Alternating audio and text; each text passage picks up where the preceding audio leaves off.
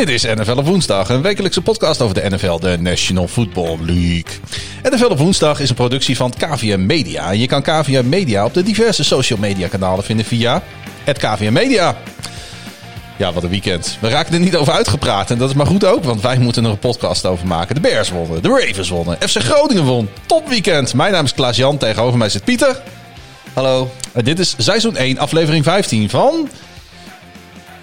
NFL op woensdag.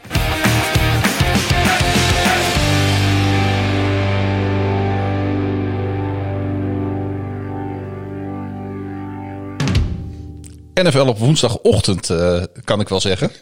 ik, ik, ik weet niet of wij eh, of we openlijk moeten zijn of moeten communiceren over wat voor tijdstip we dit opnemen. Ehm, het, gaat, nou, het gaat niemand wat aanmaken. Het is, eh, op mijn klok is het op dit moment half vier 's ochtends. op, de, mi- op de mijne ook. En nou is, gewoon, en nou is natuurlijk de grote vraag: zijn wij dan heel vroeg opgestaan op NFL op woensdag? Ja, dat hebben maken? we voor jullie over. Voor onze luisteraars doen we dat. Of zijn we nou nog niet naar bed gegaan? Dat, dat past niet bij ons. Ja, weet je wat het is? Ehm, als je aan, weet je, aan het begin van het seizoen hebben we ons gecommit om deze podcast te gaan maken wekelijks. En we vonden ook dat we ons daaraan moesten houden. Dat we gewoon, weet je, we gaan dit doen en we gaan het ook iedere week doen. Ja, Alleen soms kom je in een week qua planning, lukt het gewoon je niet helemaal om, om, om je goed voor te bereiden en noem het allemaal maar op. Want nou ja, we Ja, hebben- dat is, maar dat is eigenlijk is dat de schuld van de luisteraars. Want, want Ja. ik, ik wil dan toch wel een stukje verantwoordelijkheid eh, nu, nu richting de luisteraars eh, neerleggen. Want die promoten de show niet genoeg. Er wordt niet genoeg geluisterd. Waardoor wij niet zulke enorme sponsorcontracten binnenhalen dat we dit fulltime kunnen doen. Dus we hebben verplichtingen buiten de podcast om. En ja, dat, dat zorgt ervoor dat we nu hier in één keer om, om half vier s'nachts zitten. Om, om toch te zorgen dat, dat jullie op woensdag een podcast hebben. dit was gewoon het enige moment waarop wij konden. Het is echt heel erg. Maar, maar goed, laat, laten we beginnen. Anders zijn we, zijn, we, zijn we pas klaar als het alweer licht is. Nou, ik denk dat dat, nou, dat zal niet gebeuren, want het- we- we zitten op de kortste dag van het jaar zo ongeveer. Dus eh, nou, dat is dan een geluk bij een ongeluk. Is, is dat een uitdaging? Ja, misschien wel. Maar ik, ik wou het gewoon eigenlijk ook gewoon even, voordat we andere... Ik wou even, wat een waanzinnige, krankzinnige week weer in de NFL.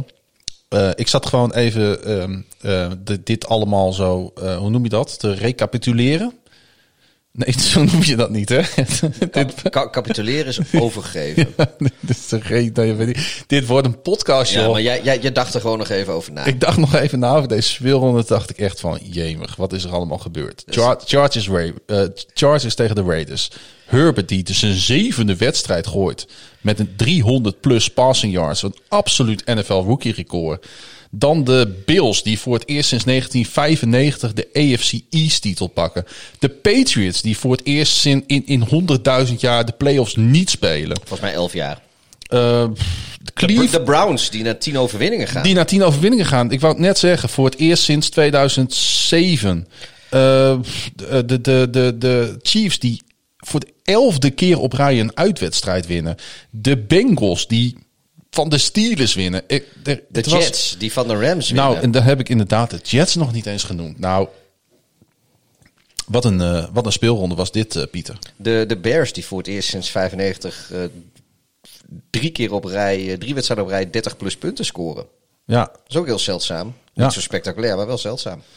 Nou ja, zo was het echt. eh, zo werden we weer heen en weer geslingerd tussen statistieken, Ravens, emoties. de Ravens die een wedstrijd openen met een safety, terwijl ze de vorige wedstrijd zijn geëindigd met een safety. En dus eigenlijk twee safeties achter elkaar hebben gescoord. Dat is een goeie. Wauw. Ja, ook dat is gebeurd dit weekend. Ja, nou het was niet helemaal waar, want ze begonnen met een interceptie en daarna kwam de safety. Maar voor wat, het was verhaal de, is wat was de eerste score? de, een safety. Dat bedoel ik. Back-to-back safeties, ja, dat zouden we echt ik, moeten ik, nagaan. Ik, eh. weet niet hoe vaak dat gebeurt als een team Nee. twee safeties eh, achter elkaar. Maar goed, dus er zat wel een week tussen natuurlijk. En, en het was twee, twee verschillende teams, maar het is gebeurd. Het, precies, het is gebeurd. Over de Ravens eh, gesproken. eh, we hebben even een aantal talking points eh, binnengekregen van onze eh, community, van onze vaste luisteraars, onze volgers op Twitter, Facebook en Instagram. Weer bedankt voor jullie input. En over de Ravens gesproken. eh, er kwam een eh, opmerking binnen over Marcus Peters. Eh, volgens mij was het Henk, Henk Kiel, die, die dat eh, ter bedde bracht. Hij zei, ja, die, die, die, die boete die ehm, Marcus Peters krijgt voor spugen, wat was het, 12.500 dollar? Ja, voor een sportsman. Ja, hij vond, het, uh, hij vond het aan de lage kant volgens mij. Ja, nou dat, dat vond ik ook. Ik had al uh, een kleine notitie gemaakt, want uh, onze Marcus Peters, onze grote vriend, die heeft al eerder een boete gehad. dat was vorig seizoen bij Ravens at Bills, wedstrijd waar jij bij was. Ja. Daar heeft hij samen met een, een fan, heeft hij, is op de foto gaan dat hij, of een filmpje, dat hij daar een biertje van dronk. Die heeft gewoon een, een biertje aangenomen van iemand op de tribune. En daar heeft hij 14.000 dollar boete voor gekregen. Nou, nu kun je daarvan van alles vinden. Ik heb zoiets van, joh, doe niet zo moeilijk. Laat die spelers gewoon even lekker vrolijk zijn. Bovendien, ik Maar- kan weten, het bier was die dag erg lekker in Buffalo. Ja, maar, maar wat ik dan, dan eh, echt onbegrijpelijk vind... is dat in, eh, in een tijd van een pandemie nota bene... eh, een, een, je naar een andere speler spuugt... en daar dan maar 12.500 euro, dollar boete voor krijgt. Ik bedoel... Ja, ik, ik heb sowieso... Ik, ik, ik spugen vind ik, vind ik sowieso smerig eh, Ja, als je dat naar Dat elkaar ben ik doet. met je eens. Eh, eh, nou, we hebben net het filmpje gezien. Het, het lijkt er ook wel op alsof dat gebeurt. Je ziet echt een fluim vliegen alsof het. Ja, hij, je- hij ontkent het zelf. En, ja, maar goed, de beelden liegen niet. nee, nou ja, die speler was wel al omgedraaid. Kijk, het was een Rijkaard, beetje... Rijkaard had ook kunnen zeggen dat hij niet naar vullig spuugde. Maar de beelden die wijzen toch echt wel anders uit. Ik heb het idee dat het een beetje, dit klinkt een beetje raar, maar symbolisch spugen was. Want die speler eh, van, Ja, maar het is een pandemie, Klaas-Jan. van de Browns was al omgedraaid. Ja, nou, dan, dat maakt het nog extra laf. Trouwens, was het ook niet. Was Stofvuller stond ook niet met zijn gezicht Nee. naar Rijka toe. eh.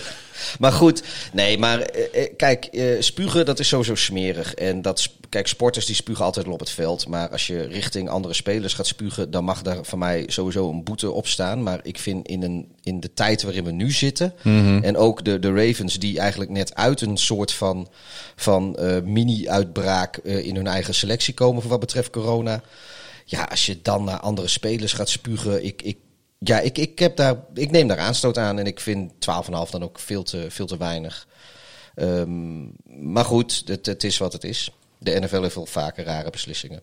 Ja, dat is waar. Ik, ik, ehm, ik ga er ook verder niks meer aan toevoegen. Het is mijn Marcus Peters eh, van mijn Ravens, maar eh, het zag er inderdaad niet eh, jovel uit. Op Instagram vraag je van Wout Meuts tegen binnengekomen. Wie is de MVP volgens jullie en waarom is het King Henry? Ja, nou, ik, ik, ik, weet niet of, eh, of, eh, of Henry het wordt, Derrick Henry, maar eh, hij is wat mij betreft zeker in de running. Want Ja, zeiden al Mahomes, heeft niet het seizoen dat. Niet, niet, niet een, een, een. Hij heeft een goed seizoen, maar hij. Hij heeft een goed seizoen. Hij is gewoon wederom na al Ja, die weken maar- weer de passing leader ja, maar goed, hij, ik, in de hij, NFL. hij is niet, niet, niet zo soeverein en zo foutloos. Weet je, er zitten wat intercepties bij. We hebben het er vaak over gehad dat die wedstrijden zijn wat close. Dat komt ook wel eens Ja. omdat hij eh, eh, een turnover veroorzaakt. En hij doet ook heel veel goede dingen, maar Maar een running back die MVP wordt, dat is lang geleden. ja, Maar ja, kijk, Aaron Rodgers is natuurlijk ook gewoon... Die is frontrunner, denk ik, op dit moment voor de, in de MVP-race. Ehm, maar dat... Kijk, kijk, we kunnen dat eh, komend weekend zien. Want dan spelen Henry en Rodgers... Nou ja, ze staan niet tegelijk op het veld. Maar de, de Titans en de, en de Packers spelen tegen elkaar. En ehm, ja, dan zullen we het zien. Ik, ik- ja, ik, ik, ik vind als er ooit een running back was eh, in de recente tijd die, eh, die het verdient om de MVP-trofee te winnen, dan is het King Henry wel. Er is ook nog een reële kans dat hij de 2000 yards gaat halen dit seizoen. Als je ziet hoe hij de, ook dit weekend, afgelopen weekend weer, spelen ze niet alleen stiff-armed, maar ze eigenlijk gewoon vernederd. Eh, ja, ik weet. Het is, ik, heb, het is, het is, ik heb heel lang, of misschien eigenlijk nog nooit, een, een running back gezien die zo dominant. Hij is heel snel, hij is heel wendbaar, maar hij is zo sterk en zo krachtig. Ik heb dat, dat niet vaak gezien op die Ja, manier. het was een beetje sneu, hè? want Szymanski die gaf ook op Instagram bij ons aan dat hij het eh, bijna zielig vond voor de Lions nummer 43, die dat overkwam. En die werd zelfs naar aanleiding van deze wedstrijd naar de practice squad gezet. Ja, was, eh, was Alex eh Myers. Nou is hij volgens mij sowieso niet een, een, een onbetwiste starter hoor, bij de Lions. Dus het kan al zijn dat hij, eh, dat hij was opgeroepen voor die wedstrijd. Dat, dat, dat durf ik zo niet te zeggen. Maar ehm, ja, Kan dit niet eigenlijk, als je kijkt naar hoe Henry speelt, bijna iedereen overkomen in de, in de NFL? ja eh, het was Zo'n play. Was het, eh, hoe heet hij van, eh, van, de, van de Bills? Of komt het ook Nor Ja. Norman? Ja, Norman heet hij ja geloof ik. zo heet hij. Ja. Nou, die, die overkwam iets soortgelijks. En hij heeft het nog bij een andere speler ook gedaan. Ja, dat, wat, wat zeker niet de minste co- cornerback in de league Nee. is. Dus Nee. dit kan gewoon volgens mij, als je tegen Ja, King Henry komt te spelen, Ja, iedereen overkomen. Precies. Het is ook. Kijk, je bent ook eh, geen, geen mindere linebacker als je, zoals bijvoorbeeld nou, Ray Lewis en, en Brian Urlacher, Hall of Fame linebackers. Maar die hebben ook allebei in hun, eh, in hun carrière wel klop gehad van bijvoorbeeld de Tom Brady's en de Peyton Mannings. Ja, die kwamen Weet je, zeker in en- de laatste jaren ook, ook, ook af en toe Ja, gigantisch ja, maar dat, tekort, dat, is, dat, is, dat is geen schande. Nee. Weet je. So- Soms, heb, soms tref je een speler die gewoon een absoluut eh, topseizoen heeft. Of, of, een, of een absolute grootheid is. Ja, Mhm. daar hoef je niet voor te schamen als je dan een keer, keer vernederd wordt. Hey, wordt, dit een, eh, wordt dit zoals Nick de Groot al eh, op de Twitters aangaf? Dat volgens mij zei hij dat zondagavond al tegen ons. eh, wordt dit een hele fijne podcast, omdat eh, onze beide teams weer wisten te winnen. Nou, ik hoop als ik wakker blijf tot het einde, dan, dan kon het wel eens een leuke podcast worden. ik, ik hoop, ja, we zijn ook gewoon weer terug aan het bier gegaan. En we, we zouden het eigenlijk niet, niet bespreken gelijk. Maar ik, ik, kan, ik, ik blijf er maar naar kijken. Want het is net of je een glas cola voor je hebt. Maar volgens mij heb je een eh, heerlijke stout eh, te pakken van debiertopper.nl. Dat klopt. Ik heb een, eh, een Imperial Stout. Een volledige pint van ook meteen 10%. eh hè, dat eh klapt er even lekker in zo, zo in de nacht. Het heet Black is Beautiful. Het is gebrouwen door Weathered Souls Brewing Company in San Antonio, Texas. En het is gebrouwd to support justice and equality for people of color. Nou ja, dat is natuurlijk een, een zaak waar ik mij. eh, een goede zaak waar ik me graag bij aansluit. En waar het ook een goede zaak is, waar ik me ook graag bij aansluit, is dus dat het een eh, lekkere stout is met een beetje marshmallow, wat cacao en eh, vanille. En ja, ik, in de winter hou ik daar wel van, zo'n zo'n lekker, zo'n lekker stoutje. dus ik, dat is, eh, ik heb dat- de verwarming net ook wat, nog wat opgestookt. Want hier in eh, Oslo-Zout eh, lopen de ijsberen al door de tuin bij mij. Ja, ik, heb, ik, heb, ik, heb, ik heb een, een dunne trui aangedaan, want meestal is die prima op temperatuur. En nu heb ik zoiets van, had ik nou maar wat warmere trui aangetrokken. Ja, je mag nog wel een graadje bij plussen hoor. Ja, ik, dat ga ik zo eens even doen. Anders zet je gewoon die, die, die kerstmuts die je hier hebt hangen op. ja, ik heb een groen-witte FC Groningen kerstmuziek. hey, maar ehm, dat was het bier en de temperatuur. De, wat hebben we nog meer eh, voordat we naar de wedstrijden gaan? Nou ja, is jou nog wat opgevallen waarvan je denkt, daar wil ik het toch nog even over hebben. Ja, ik heb nog een aantal dingen. Oh, nou. De mondkapjes van de coaches. Nou, weet je, ik, ik snap denk ik precies waar je heen wil. Het valt mij week in, week uit op dat ze die dingen wel op hebben, maar ook soms niet. Of, of zo de neus er half over. Ja, ja. Dat ik ook zo, het is een beetje alsof je... Heel apart. Ja, maar dan, dan denk ik altijd van, hebben die mensen dan ook gewoon hun, hun lul over de boord van hun onderbroek hangen? Als je je neus zo boven je mondkapje uit hebt. ja. Oh, dat, daar heb jij geen antwoord op. Nee, daar heb ik even geen antwoord op. Nee, ik ben even stomheid geslagen. Nee, maar Nee. je, je weet toch hoe je Maar- jezelf aan moet kleden? Weet toch ook hoe zo'n mondkapje werkt? Weet je, dan lopen ze te blaren en te schreeuwen. Helemaal als een zebra op ze afkomt. Als ze bijvoorbeeld een, een challenge flag gooien, Ja. dan komen die scheidsrechters naar hun toe. En dan doen ze dat mondkapje naar beneden. Omdat ze ze, met z'n tweeën... Ja, omdat ze schijnbaar denken dat, dat ze anders niet verstaanbaar zijn of dan zo. staan ze met z'n tweeën naast elkaar en dan komt er zo'n scheidsrechter aan en dan trekt die coach die trekt die- dat mondkapje van zijn Ja, af. dat, het is eigenlijk de grootste, je reinste symboolpolitiek ondertussen. hè? Ja, nou, maar ik kan me niet voorstellen dat de bedoeling is. Kijk, als je in je eentje Nee. aan de zijlijn staat te coachen en er staat niemand om je heen en je doet dat en je doet je neus erover of je legt hem even onder je kin, nou ja, dat, dat snap ik, weet je, even een beetje, een beetje vrije adem als er niemand in je buurt is. Je, je staat vaak toch in de buitenlucht.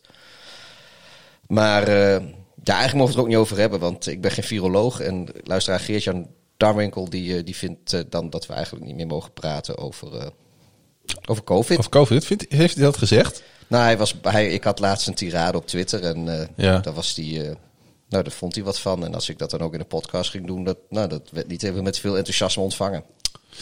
Goed, dan eh, laten we dit voor wat het is. We gaan het nog wel even over de zorgmedewerkers, gerelateerd aan COVID. Oké. Want ook die staan natuurlijk Ja. overal in de wereld vol in de aandacht. Ja, en volgens mij is daar een plan voor. Ja, ze gaan eh, applaudisseren voor de zorgmedewerkers. Eh, Wauw.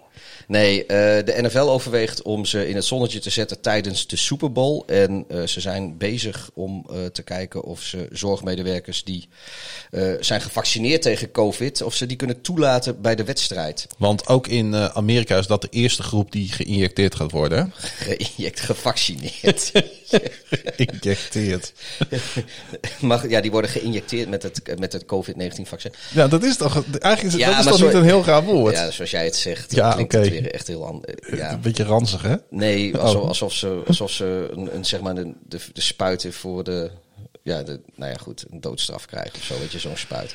Ehm, Ja. Maar goed, eh, dat, eh, dat gaat de NFL dus, eh, dus eh, proberen te regelen voor de zorgmedewerkers. Zou leuk zijn, want als er, eh, ja, kijk, als, als er dan één groep mensen is die het verdient om, eh, om in het zonnetje gezet te worden na dit jaar, dan Nou, maar dunkt. zijn zij dat wel. Moeten we het eh, weer voor de derde week op rij over Carson Wentz hebben, eh, Pieter? Ja, ja, want invloedrijk als we zijn, hebben we natuurlijk al een aantal weken gespeculeerd over dat, eh dat Wentz misschien wel eens zijn langste tijd in Philadelphia gehad kon hebben. Eh, nou ja, toen werd eh, onder Jalen Hurts de starter. En Wentz schijnt daar dus niet eh, blij mee te zijn. En volgens Adam Schefter van ESPN, die doorgaans goed is ingevoerd, wil die, eh, wil die vertrekken. En zijn contract, dat is, er zijn volgens mij alleen de eerste twee jaar van gegarandeerd. 98 miljoen voor vier jaar, dus zeg ongeveer 25 miljoen per jaar. Ja, dat, dat is Teddy Bridgewater geld. Teddy Bridgewater heeft een soort gelijk contract bij de Panthers. Dat vind ik ook een fors contract hoor, voor eh, Ja, en een ik speler moet- als eh, Bridgewater. ik- ja, maar eh, ook voor een speler als eh Wentz, wat Ja. hij dit seizoen heeft laten zien. Automatisch, ja. Kijk, dus ik kan me voorstellen dat de Eagles van hem af willen. Want die hebben nu natuurlijk eh eh, Hurts. Alleen, eh, ze hebben dan wel een cap hit te slikken van, van bijna 34 miljoen dollar. En dat is natuurlijk best wel veel. Zeker omdat de salary cap waarschijnlijk omlaag gaat voor komend seizoen. Maar ik kan me ook voorstellen dat andere teams niet staan te springen om dat contract over te nemen. eh, eh, anders dan, ja, die, die, die, het, dus er, er zal waarschijnlijk ge- geherstructureerd moeten worden. Maar ligt dan in het verschiet dat eh, de Eagles misschien volgend jaar met een hele, hele dure backup quarterback te maken hebben? Ja, die kans is heel groot. Want het, het, de, de, de, het was ook lang, ging het rond, of zong het wat rond, dat de, de Colts misschien wel interesse hadden in Wentz. Omdat het waarschijnlijk echt het laatste jaar van Rivers is. Ja. Ehm, maar dat eh, die, ja, of ze hebben ogen, of het was sowieso op lucht gebaseerd, of bij eh Indianapolis zijn ze ook wakker geworden, hebben ze gezien wat, wat Wentz eigenlijk gedaan heeft. Want laten we eerlijk zijn, hij heeft gewoon echt ook, tuurlijk zijn wapens had hij niet, maar hij heeft gewoon echt beroerd gespeeld. En nu, zit hij, nu is hij op, op, aan, op de bank gezet vanwege zijn spel. En dat, nou ja, Hurts speelt ook gewoon echt veel beter met dezelfde wapens. Dus, dus daar valt gewoon eh, weinig aan af te dingen op dit moment. En dan gaat hij een beetje zitten miepen over, ja, ik wil geen backup zijn. Nou, als je geen backup wil zijn, dan moet je gewoon beter spelen. Ja. En als jij, eh, nou je, maar goed, ja, hij kan wel op zijn Winston Bogardes eh lekker binnenlopen op de bank de komende jaren. True, true. Hey, lijkt me goed om ook gelijk even de rookie question erbij te pakken. Want dit is iets wat speelt, waar niet iedereen altijd iets eh, van kan breien. Eh Janno vraagt, nu we tegen het einde van het seizoen aanlopen, welke tiebreaks bepalen wie doorgaat? Je ziet het bijvoorbeeld, laten we als voorbeeld even de, eh, de NFC nemen, waar een aantal teams op hetzelfde record kunnen eindigen. En dan ontstaat er een ingewikkelde situatie. Hoe zit dat? Ja, ik heb dat eh gisteren, of van de- in, in ieder geval eh, vrij recent op, op, eh, op Twitter gezet. Dat Ja. het, het, kan- in de NFC bestaat er een kans, is een kleine kans hoor, maar dat de Tampa Bay Buccaneers, de Los Angeles Rams, de Arizona Cardinals en de Chicago Bears allen op een 9-7 record eindigen. En En die kunnen niet allemaal naar de playoffs. Nee, je hebt de vijfde, de zesde en de zevende seed. En de achtste valt er dus buiten. Dus Ja. er zijn er vier teams die, die strijden om drie plekken. Maar als dat, eh, het, als in dat scenario zouden, eh, en dat is denk ik vrij onverwacht gezien hoe het, se- hoe het seizoen loopt. En ook on- wat betreft resultaten. De Chicago Bears krijgen dan de vijfde seed. Maar die hebben natuurlijk van de Buccaneers gewonnen. Ja, maar die hebben van de Rams verloren. En de, maar Ja. de, de Rams hebben weer van de Buccaneers gewonnen. Ja, en, en, maar, En de Cardinals, ik weet eigenlijk niet of die tegen de Buccaneers en de Rams gespeeld hebben, hoe dat precies zit.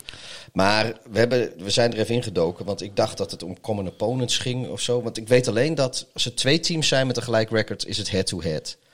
En als er drie teams zijn met een gelijk record, dan eh, wordt het al ingewikkelder.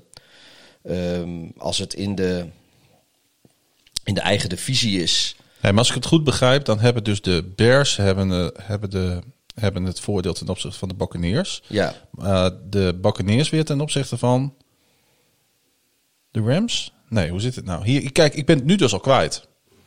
nou ja, de, de, Ga jij vooral gerust door.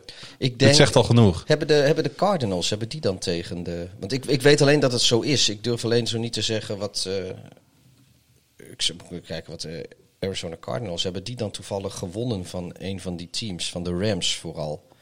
Maar daar zou het dan om gaan. Nou, die spelen sowieso nog een keer tegen elkaar. Dus dat heeft dan waarschijnlijk ook weer eh, Ja, gevolgen voor. Hè? ja kijk, die, de- maar omdat je al weet wat die, wie die wedstrijd gaat winnen... omdat ze allemaal op 9-7 moeten komen. Maar goed... eh, ik, we hebben er, zijn er even ingedoken. We hebben even gekeken of we dat op een snelle en duidelijke manier die scenario's eh, goed, goed konden duiden. En dat lukt niet, dus we gaan door met de NFL, maar dan snel. Ja, dat zijn, we zijn er ook even te, te rookie voor. Dit, dit is eh, voor ons even. Ik, we, we zullen wel even het linkje sturen en ik ga dat, eh, ga dat echt nog wel even uitzoeken. En dan gaan we dat via de social media wel even, even toelichten. Nou, waar het, op, waar het denk ik op neerkomt, eh, je hebt dus simulatoren online staan, Ja, waar je allerlei scenario's in kan gooien en dan rolt eruit wie wel en niet play-off spelen. ja, En ik denk dat, dat het is zo ingewikkeld. Dus er komen op een gegeven moment komt er zoveel bij kijken. Nou ja, kijk- Zeker dit jaar, want zowel in de NFC als de AFC is het met name voor die zevende seed Nou, ongelooflijk ik, ik zal spannend. alleen de eerste stap van, van zoals NFL.com de tiebreaker procedure uitlegt. Als er bij drie of meer teams een tiebreaker hebben voor een wildcard plek. Mhm. Nou, dat zou in, is in dit scenario het geval. Dan is de eerste stap apply the division tiebreaker to eliminate all but the highest ranked club in each division prior to proceeding to step 2. The original seeding within a division upon application of the division tiebreaker remains the same for all subsequent applications of the procedure that are necessary to identify the two wildcard participants. Dat is de eerste stap. Ja, Dus dat ben ik je al kwijt. ja, ik, ik mezelf ook.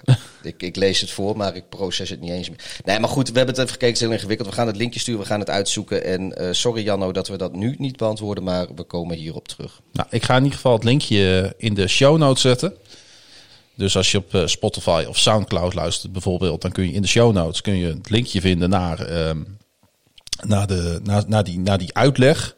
En laten we dan ook het linkje naar een van die simulatoren erin zetten, zodat mensen eh, kunnen kijken waar hun team uit, op uit kan komen. Ja, de, de playoff machine van, eh, van ESPN. Dus Juist. dat is hartstikke leuk. Nou, precies. Ehm, eh, ik denk dat, dat we maar eens het, de speelronde moeten proberen samen te vatten in een minuut of vier. Dat ga, ga jij maar doen. Wat dan? Nou, eh, dat, dat lijkt me gewoon wel eens leuk. Ik ga dan naar je kijken terwijl jij dat doet. Heb je er geen zin in deze keer? Is te laat? Te vroeg bedoel ik? Eh, ik heb, eh, ik, dan ga ik me nog even verdiepen in hoe dat zit bij die tiebreakers. Oké, nou dan lees ik hem wel voor. Met, en dan, dat noemen wij de NFL, maar dan snel. Big Ben was er klaar mee om anderen te misbruiken, dus vond hij het wel eens verfrissend om zichzelf te laten misbruiken. De Bengals waren toevallig aan de beurt, kleden Ben uit, maakten hem met handboeien vast aan het bed en gingen er eens flink met de zweep overheen. Ja, je zou maar Chiefs-fan zijn in de wetenschap dat Mahomes tot 2031 nog jouw franchise quarterback is. Eigenlijk kan de rest van de NFL wel gewoon stoppen. Drew Brees aast echter nog op een laatste prijs en heeft nu al nachtmerries over een Super Bowl tegen Mahomes. De Lions wonnen nog nooit de NFC North en we verbazen ons er ieder jaar weer voor hoe historisch slecht ze zijn.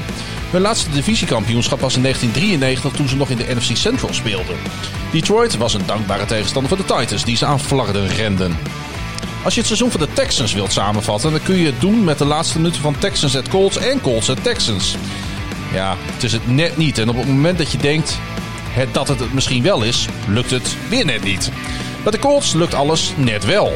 Nu hopen voor de fans van de Colts dat de franchise ook niet daar als een dief in de nacht weer vertrekt naar een andere stad. Als je een kudde buffels tegenover een kudde wilde paarden zet, winnen de buffels meestal.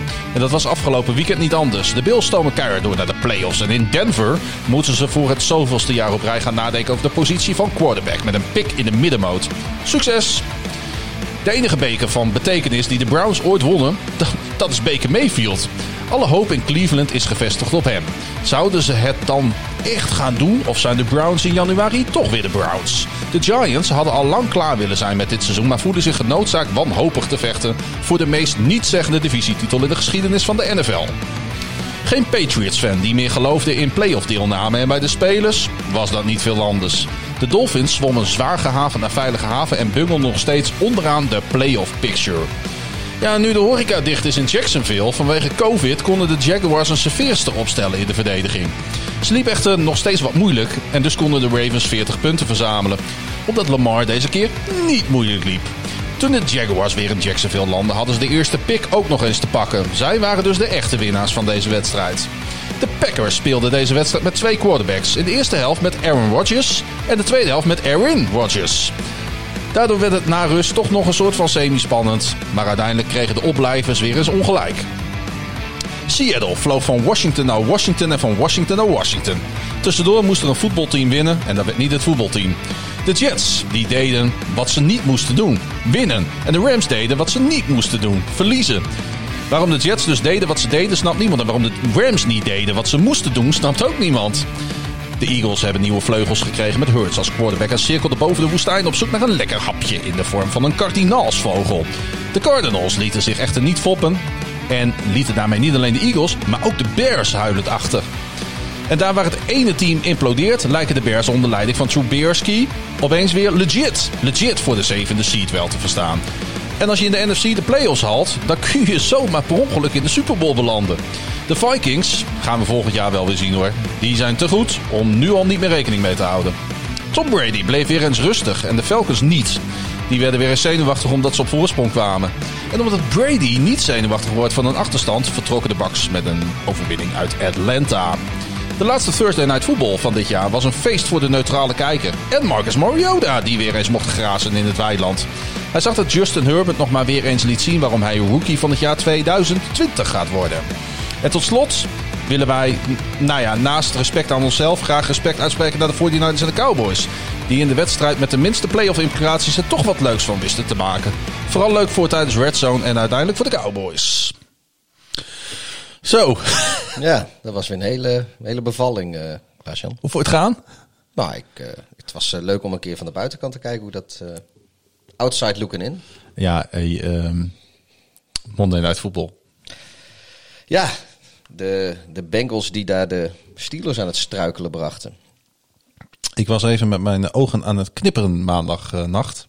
Ja, wij, uh, wij roepen al een, een hele poos dat, uh, dat Pittsburgh niet zo goed is als het record uh, dat ze hebben. Hoewel ja. zo langzamerhand kom, komt een record steeds dichter in de buurt ja. bij hun, bij, dat zijn ware kwaliteit weer wordt, wordt gegeven. Nou, zelfs dat begin ik mij af te vragen. Ja, nee, het is nog steeds te goed. Maar Kijk, wij roepen dat al een poosje. Het is ook, ze zijn eendimensionaal. Dat valt uh, natuurlijk iedereen op die, uh, die, die die wedstrijden ziet. Uh, maar verliezen van de Bengals, dan is het hek wel een beetje van de dam. Mm -hmm. Vind ik. ja, de, de, ze waren ook gewoon slordig met de bal. De, de defense, wat, wat natuurlijk hun sterkste punt is, die was wat langmoedig. En, ja, Oeh, mooi woord is dat. Ja. En, langmoedig. Ja, ja. dank je. En schud ik zo even uit de mouw. Ja, heerlijk. Ja, en, en bij Roethlisberger kun je, weet je, die is dit seizoen een beetje wisselvallig. Hij, heeft, uh, hij, hij, begon niet heel denderend. En uh, een hele middenstuk van het seizoen wat hij echt gewoon de boel uh, prima voor elkaar. Kon je eigenlijk niet zien dat hij al van respectabele leeftijd is. Maar ja, het is nu weer... misschien komt het ook omdat dat er geen running game is bij de Steelers. zoals we zeiden, eendimensionaal. Ja. Wat dat, dat, dat hij gedwongen wordt eigenlijk meer te doen dan, dan wat hij wil of kan uh, op, op in deze fase van zijn carrière. Je ziet natuurlijk ook weer dat uh, het is natuurlijk een divisiewedstrijd. Ja. Wat we veel gezien hebben dit jaar is dat de, de divisiegenoten onderling, ja, dat zijn pittige wedstrijden. Ja. En de Bengals en de. En de... Je, hoeft, je, hoeft, je hoeft de Bengals niet te motiveren om tegen de Steelers nee, precies. te spelen. Kijk, en de Bengals spelen natuurlijk niet voor een eerste nee, pick meer. Nee, en die, die spelen een beetje een verloren, een, een verloren seizoen. En ik kan me, ja, het blijven natuurlijk sporters, dus als het goed is halen ze overal motivatie wel uit. Maar ik kan Mhm. mm me voorstellen dat, uh, dat als zij bijvoorbeeld tegen, ja, weet ik veel, de, de Detroit Lions of zo, als ze daar tegen spelen, een team ja. dat ze niet zo vaak tegenkomen, waar ze verder niet zoveel mee hebben, uh, dat, dat, ja, dat het dan wat lastig is. Maar als je dan tegen een divisiegenoot, tegen de Steelers speelt, ja, dan, dan, dan, dan hoef je gewoon niet gemotiveerd te worden. Dan geef je automatisch weer 120 procent. Ik zit even kijken. Ja, de Bengals spelen volgende week tegen de Texans. in Houston zullen we zien dat ze daar weer genadeloos onderuit gaan natuurlijk. Maar ja, eh, hoe dan ook. Eh, even over die Steelers. Ik zag een eh, vraag van McLaughlin voorbij komen op Twitter. Die zei, die, die, die zei, nou hoe kan het nou dat teams opeens richting die playoffs zo imploderen? En hij noemt daarbij ook de Rams. Nou, daar ben ik nog niet helemaal mee eens. Ben ik nog niet over, helemaal over uit dat of dit een incident was. Maar Nou, de de- de- Steelers, de bij Rams- de Steelers is het geen incident meer, eh, Nee, Pieter. De Rams zijn 4-2 sinds een bye week. Dus dat wil ik niet echt imploderen noemen. Nee. Oh, ehm, de Steelers die hebben nu drie op rij verloren. Maar dat is eigenlijk niet nieuw voor ze. Want ik ben eens gaan kijken. In 2018 begonnen ze december met een 7-2-1 record. Eh, volgens mij was dat het gelijke spel tegen de Browns de, toen de Ja. tijd. Ja. Ehm, maar ze verloren vier van de laatste zes wedstrijden en misten op die manier de play-offs. En in 2019, vorig seizoen, eh, was het begin december nog 8-5 en niet zo heel veel aan de hand voor de Steelers. Maar toen verloren ze van de Bills, de Jets en de Ravens. Was dat niet met eh, RG3? Dat was met RG3 Ja. op quarterback. Want eh, volgens mij was Lamar die, eh, die mocht uitrusten omdat de Ravens al lang en breed zeker waren van Klopt, ja. de tweede seed, geloof ik, in de, in de AFC toen. Ja, ja. En, en zelfs die verloren de Steelers toen inderdaad. Ja, maar die verloren. Dus, dus ja, toen liepen ze ook weer de play-offs mis. Nou, nu gaan ze dit seizoen die, die play-offs echt niet mislopen. Dan, Nee. Ook al winnen ze, of verliezen ze de, de, de, de rest er nog bij. Volgens mij is zelfs dan. eh, ze kunnen volgens Nee. mij de play-offs niet meer mislopen. Nee, nee. Ehm, maar op deze manier gaan ze natuurlijk niet zo ver komen. Want ze zijn gewoon in één keer totaal niet goed. Dit, het, eigenlijk is het. eh, of ze hebben te vroeg gepiekt. Of, of dat het, hun eendimensionaliteit zeg maar, wordt te vroeg uitgebuit. Ik weet het niet. Maar ehm, ja, het, het- ik, ik geloof niet dat dit met blessures of vermoeidheid eh, te maken heeft. Want alle teams zitten natuurlijk in, de, in deze fase van het seizoen. Ja, wie er ook op die zevende eh seed gaat eindigen in de, in de, in de AFC. Ik denk, dat, eh, ik denk dat er meerdere teams zijn die denken van doe mij die Steelers maar. Zelfs in Pittsburgh. Ja.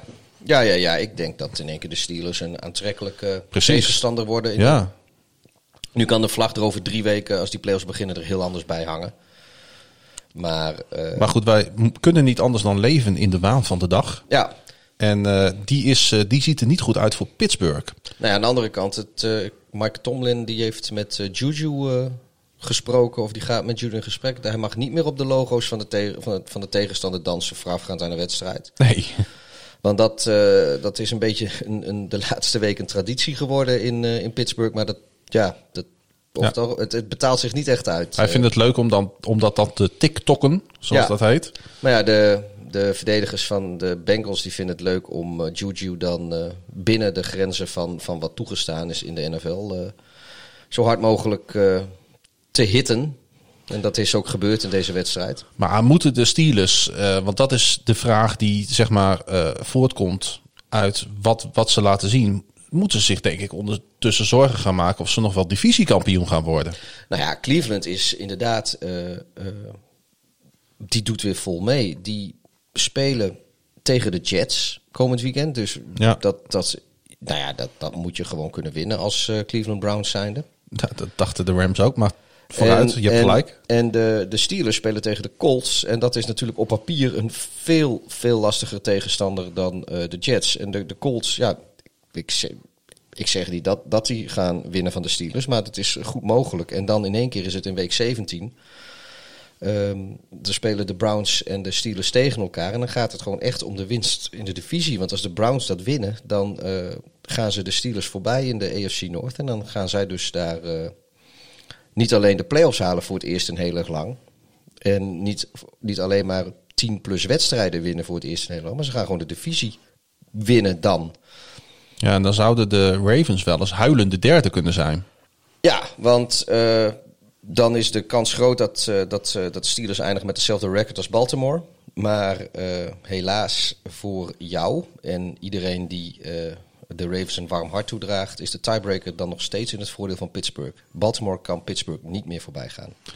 Nee, en er was natuurlijk, ja, laten we het dan ook nog heel even een klein beetje aandacht aan de Bengals geven. Ten slotte is dat het winnende team. Die winnen met dus Ryan Finley. Hij werd ook uh, door een aantal volgers van ons getipt als biertopper uh, van de week. Dat zou, dat, dat, we hebben er even over nagedacht en ons erin verdiept. Maar dat zou wel een beetje scorebordjournalistiek ik, zijn. Ik, heb de wedstrijd zitten te kijken en ik vond het echt super leuk voor de Bengals. En ik gunde het ze van harte. Hij had een goede rushing touchdown, uh, die Finley. Ja, hij had sowieso een paar goede runs. Hij had volgens mij 48 rushing yards in totaal Zoiets, staan.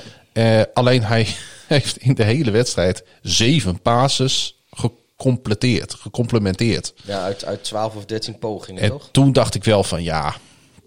Ja, nee, het, Ondanks dat ze als om te team winnen van heel goed gespeeld Ja. hebben, laat ik het zo zeggen. Tegen een, een, een, nou, soms bij tijd en wijle in die wedstrijd dramatisch spelende Pittsburgh Steelers. Ehm, Ja, het is niet zo dat, kijk, eh ze verdienen een pluim. Finley speelde uitstekend. Hij eh, eh, heeft zeker zijn steentje bijgedragen aan deze overwinning voor de Bengals. Maar Mhm. het is niet zo alsof hij in zijn eentje de overwinning uit, het, uit de klauwen van de nederlaag heeft getrokken. Nee. Dus de Steelers voorlopig nog wel op die eh, tweede seed in de AFC. En de eerste plek in de AFC En- North. Precies, maar Beide is... baas boven baas, de Kansas City Chiefs, die gaan hun, zeker na de overwinning tegen New Orleans, die gaan hun eerste seed niet meer weggeven. dat denk ik ook niet. Ehm, ja, weer zo, dat hebben we wel vaker ook gehad, hè? De- Zo'n score, dat als je die ziet, dat je denkt, hmm, dat is, dat zou, wat, wat is dat een sp- spannende wedstrijd geweest? Maar was het dat ook Ja, echt? Er, er zitten drie puntjes tussen. Zij denken, joh, één field goal en, en je gaat naar overtime. Het was meer dat New Orleans nog een beetje weer aandrong in het vierde kwart. En Ja, maar voor de, de, ik, de, de, de zege is nooit echt in gevaar geweest voor nee, de nee, dat idee had ik Ze ook hebben niet. van begin af aan hebben ze, eh, zijn ze aan de leiding geweest in de wedstrijd. En, en het is weer, ja, weet je, wat, wat, wat we veel vaker ge- opgemerkt en gezegd hebben, dan, dan het moment dat de tegenstander dichtbij komt, dan lijkt het alsof ze in, in die, die Chiefs nog ergens even dat extra vandaan halen. Dan flop, flop, flop. En dan maken ze er even een score van, als- of nou een field goal is of een touchdown. Ja, Bijna alsof ze spelen met hun tegenstanders. Ja, zo van, nou, wij spelen gewoon lekker op 80% en, Ja. eh, en kijken hoe ver we komen. En als, eh, als, als het ons wat er heet onder de voeten wordt, dan, eh, nou, dan gaan we even scoren, zodat we daarna weer het- de voet even van het gas kunnen halen. Of dat zo is, weet ik niet, maar zo lijkt het soms wel. Ja, en eh wedstrijdje natuurlijk tussen, de E- tussen een AFC-team en een NFC-team. Want waar de Chiefs natuurlijk die eerste seed te pakken hebben. eh, de Saints stonden daar ook eigenlijk ja, met bijna, dat is niet zo in de NFL, maar voor het gevoel twee vingers in de neus stonden ze op een gegeven moment op die eerste seed. Ja, een aantal weken, eh, ja. Een aantal weken. Ik had echt het idee op dat moment, ik denk nou, dit, er gaat geen team komen wat de Saints daarvan af gaat blazen. Nee, we hebben, we hebben, En nu opeens is die eerste seed, ja, ja, die, is, die lijkt die, wel buiten. die, die eh, lijkt wel echt eh, uit, uit het zicht, hè? Ze, ze kunnen hem nog pakken. Eh, Green Bay heeft hem nu, die kan hem nog verliezen. Maar dan zouden de, de Saints twee keer moeten winnen. Green Bay twee keer moeten verliezen. Ehm, ja, ik, ik, ik zie, dat is natuurlijk wel een beetje door mijn oranje donkerblauwe bril. Maar ik zie de, de, de, de Packers haast nog eerder twee keer verliezen. Dan dat ik de Saints twee keer zie winnen. Ja. Hoewel, Maar Bre- ik zie de Packers ook eh, niet... eh, hoewel Breeze natuurlijk wel terug is, maar ik heb, eh, ik, ik heb, ja, weet je, ik vond het een beetje, hij, ik vond hem trouwens in het vierde kwart, vond ik de hele Saints goed terugkomen. Camara goed, weet je wel. Maar er wa- Is je zaten wel een paar, opgevallen dat Camara er eigenlijk alleen maar is als Breeze speelt? ja, ja, dat, dat, dat, dat begon mij inderdaad op te vallen eh, naar aanleiding van deze wedstrijd. Heeft dat dan met gameplan plan te maken? Of, of, of Nee, zo- doet- maakt Breeze de goede keuzes als, als, als caller? Nee, ik denk ook, kijk, als die Taysom Hill speelt, dan is Taysom Hill natuurlijk ook een runner. Ja, En ik denk dat dat gewoon ten koste gaat van de touches van, van, eh, van Camara. Ja, en op zich hebben ze daar gelijk in. Want als je dan zo'n optie erbij hebt in een running quarterback, dan kun je daarmee ook voor de verrassing zorgen natuurlijk. Ja, en, en kijk, Taysom, Taysom Hill is natuurlijk... Als passer is hij gewoon niet zo goed. Dus je, en- dus je kan als tegenstander van de Saints, als Hill speelt... eh, kun je ook eh, veel meer op Camara gaan verdedigen. Maar omdat die pass niet zo gevaarlijk is. Dat is met Breeze is dat anders. Als je Breeze daar hebt staan, ja, dan moet je altijd Dan moet je, houden. dan moet Ja. je natuurlijk wel pasen. Maar het zaten een aantal drives tussen. Eh, tweede, derde kwart. Deed echt pijn aan de ogen wat Breeze eh, liet zien. Ik vond het echt een beetje sneu. Want dan was hij weer terug. En het was echt zo slecht. Is een beetje wat ik in het begin van het seizoen zei. Je ziet af en toe toch echt wel dat die jaren tellen bij hem. Hij is echt niet die oude Breeze. Nee, maar aan de andere kant dacht ik Maar ook- hij was ook niet helemaal fit. Hij was dan misschien nog niet helemaal fit. Ja, misschien was het, misschien, ja, maar misschien is het ook wel goed om hem dat hij wel gespeeld heeft. Gewoon weer een beetje erin komen richting de playoffs. Ja. Weet je, Kansas, als je van de Kansas City Chiefs verliest, ook als je Drew Brees heet, kan gebeuren. Als dit, een, eh, als dit een Super Bowl zou zijn geweest. Ja, en het kan maar zo de Super Bowl worden. Nou, maar was, was, dat dan, was dat dan soortgelijk gaan, denk je? Of hadden de Saints dan eh, eh, iets, iets meer laten zien, iets meer risico genomen? Of hadden de, de Chiefs dan was veel eerder veel meer afstand genomen, omdat ze dan niet eh, geen enkel risico willen nemen? Dan willen ze een wedstrijd gewoon winnen. Ja, mijn, Ik heb gevoel, dat mijn laatste- gevoel zegt dat- van wel. Ja, Met mijn gevoel zegt inderdaad ook, als dit een Super Bowl zou zijn geweest, dan eh, hadden de Chiefs veel eerder afstand genomen, was die wedstrijd veel eerder in het slot geweest. Dat, dat Ja. denk ik. ja, we gaan de Chiefs in ieder geval terugzien eh, in, de, in, de, in het naseizoen. In de playoffs. Ja, nou, de Saints ook. En de Saints ook. Dus eh, wat dat betreft eh, best wel een leuke wedstrijd. Met name omdat de Saints in het vierde kwart terugkwamen. Maar ik had me er iets meer van voorgesteld. Ja, Misschien had ik eigenlijk misschien had ik deze wedstrijd achteraf wel willen zien met Hill. Ik denk, ik had deze wedstrijd denk ik eh, het liefst gezien eh, op primetime, zeg maar Sunday night of Monday night voetbal ergens in week 2 of week 3 Ja. of week 4. Ach, maar goed, dat Maar is dat kan ook tegenvallen, want we hadden in week drie, weet je nog, die primetime tussen de Baltimore Ravens en de Chiefs. Waar Ja. we ons ook weer heel veel van eh, hadden verwacht. vooral, vooral jij. Ik, Nou ja. ik, nou, nou, nee, maar ik heb, ik heb al gezegd van ja, ik denk wel dat die Chiefs gewoon, eh, En dat viel ook tegen. ja, De Chiefs, eh, eh, ik kan ze niet haten. Ik vind het nog steeds een prachtig team in dat prachtige stadion van hun. Maar ja, eh, weet je, het zou zomaar kunnen dat ze gewoon iedereen weg gaan blazen in de AFC. het zou wel dan- saai zijn. Ja, en dan gewoon echt heel makkelijk die, eh, die Super Bowl binnen gaan halen. Ja, dan, dan is, is Kijk, dan, dan nog steeds niks meer dan respect. Maar ja, het is wel een scenario wat voor de neutrale kijker wat minder leuk is. Nou, ik zal het je nog. Weet je, dan is Brady weg bij de Patriots. En dan lijkt dat een beetje op zijn einde te komen. En in plaats van, van dat die AFC opengebroken wordt. En zeg maar net zo'n beetje als de NFC. Dat je, dat je bijna jaarlijks een andere Super Bowl. verte- of ander team in de Super Bowl hebt staan. Ja, ik. De, de, het zou maar zo eens kunnen dat voor de komende tien jaar eh, de, de, de vijf, zes, zeven keer Ja. een, een, een Kansas City Chiefs namens de AFC in de Super Bowl staat. Ik zei het al, in Als de, dat zo in de NFL, dat- maar dan snel tot 2031 is Ja. verbonden aan de Chiefs. Ja, Oh, dat. eh, ik ben moet aan de ene wat, kant... eh, ben benieuwd wat eerder afgelopen is dan. Zijn contract of onze podcast? De- deze uitzending dan. Ah, ik deed deze podcast. Weet je, aan de ene kant ehm, eh, ja, moet ik er niet aan denken. En aan de andere kant, ik vind het ook gewoon, ook wat Tom Brady en de Patriots hebben gedaan. Het is onwaarschijnlijk knap en het is ook geschiedenis schrijven. Ja, ja, ja. Ik, ik denk alleen wel dat eh, de, de, de gunfactor en, en het leuke en het schattige... wat er nu allemaal nog om eh, de Chiefs en Mahomes heen hangt... Dat gaat er als- een keer af. Als, als het Ja. over drie, vier, vijf jaar nog zo gaat... dan, dan is dat er echt wel af, hoor. hey, er was weer Scorigami. Ja, En jij komt daar normaal gesproken altijd mee. ja. En nou heb ik er een voor jou. Nou, is dat niet leuk? ja dat is hartstikke mooi. Welke, welke wedstrijd was dat dan? Dat was Detroit at Tennessee. Ah, Eh dat werd eh, eh, 25-46. En dat was nog nooit eerder voorgekomen. nee. En ik eh, wil alle luisteraars die ons daar eh, op wezen van harte bedanken. Want eh, we hebben het er nou, een soort van semi-uitgebreid over gehad vorige week. En opeens ga- gaan ook onze luisteraars ermee aan de hal. Hartstikke leuk. Wij zijn Ja. opnieuw trendsetters. Goed, ja, 46, 25. Ja, Nu is wel 46 eh, punten scoren voor de winnende ploeg. Als dat gebeurt, dan is het eh, volgens mij meer dan 50% kans nog steeds dat het scorigami is. oh, dat weet jij dan weer? Ja, dat gebeurt namelijk. eh 46 punten gebeurt sowieso niet vaak. Nee. En eh, een van de andere keren dat het, eh, dat het gebeurde, het is maar 20 keer gebeurd. Een van de andere keren was in eh Super Bowl 20.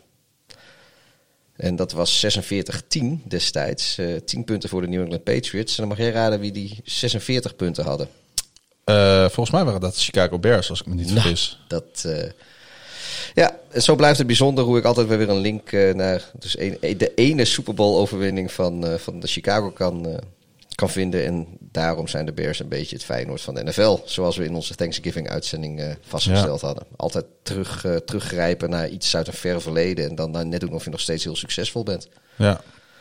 Ehm, Tennessee, team wat jij eh, graag volgt, weet ik van jou. Heb je dit duel ook weer met belangstelling bekeken? Ik en heb- viel je nog wat op? Ik heb een paar leuke dingen gezien. We hebben het natuurlijk eerder gehad over de stiffarm van, van Derrick Henry bij, bij Alex Myers. Mhm. Maar wat ik ook zag, dat was eh, volgens mij in het eerste kwart nog. eh, gooit uh, Tannehill, die gooit een hele lange touchdown paas. Op een volledig vrijstaande Corey Davis. Ja. En daar stond Lion safety eh Duran Harmon Harmon. stond die erop, hè? die- ja, Ja. en die, die moest hem, zeg maar, die moest Davis in het open veld verdedigen. En dan zie je, ja, je ziet er toch eigenlijk niet zo vaak een echte één op één tussen een receiver en een safety, Nee. waarbij de receiver al de bal heeft en dat ze, nou ja, de normaal gesproken wordt of de, de receiver getackeld of hij stapt uit de lijn, buiten de lijnen. Mhm. Maar nu eh, had eh, Davis dat zoiets van, nou, ik ga jou gewoon als proberen om je heen te lopen, om toch in die, in die endzone te komen. Dat, dat was wel grappig, een beetje een soort eh, een, een game of chicken, weet je wel. Een- Allebei stap je naar rechts, stap je naar links, stap je naar rechts. Dus dat, eh, dat vond ik wel leuk om te zien. Dat zie je niet zo vaak. En eh, nou ja, Corey Davis die won dat, eh, won dat duelletje, want het Ja. was een touchdown. Ja.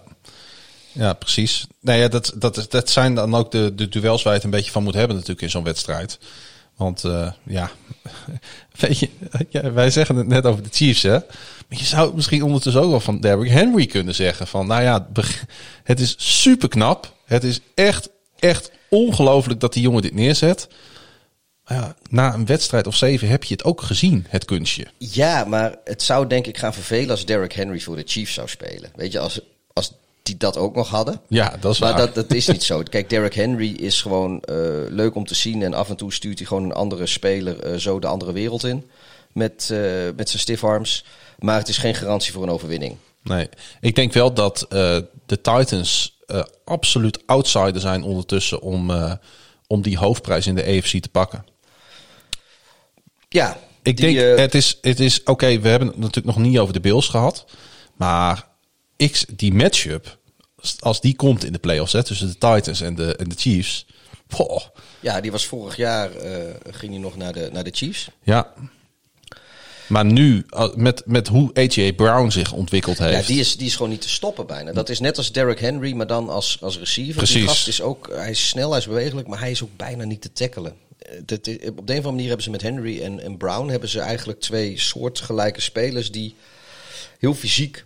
Alleen heb ik, heb ik bij, bij Tannehill heb ik altijd nog het idee van... Oké, het is de vorm van de dag die gaat bepalen... Of, of ze echt die hele goede wedstrijd spelen. Ja, maar en bij Tannehill- Mahomes heb ik daar geen enkel Nee, maar- eh, twijfel bij. Eigenlijk, maar Tannehill die speelt al, al bijna twee jaar eh, vrij constant.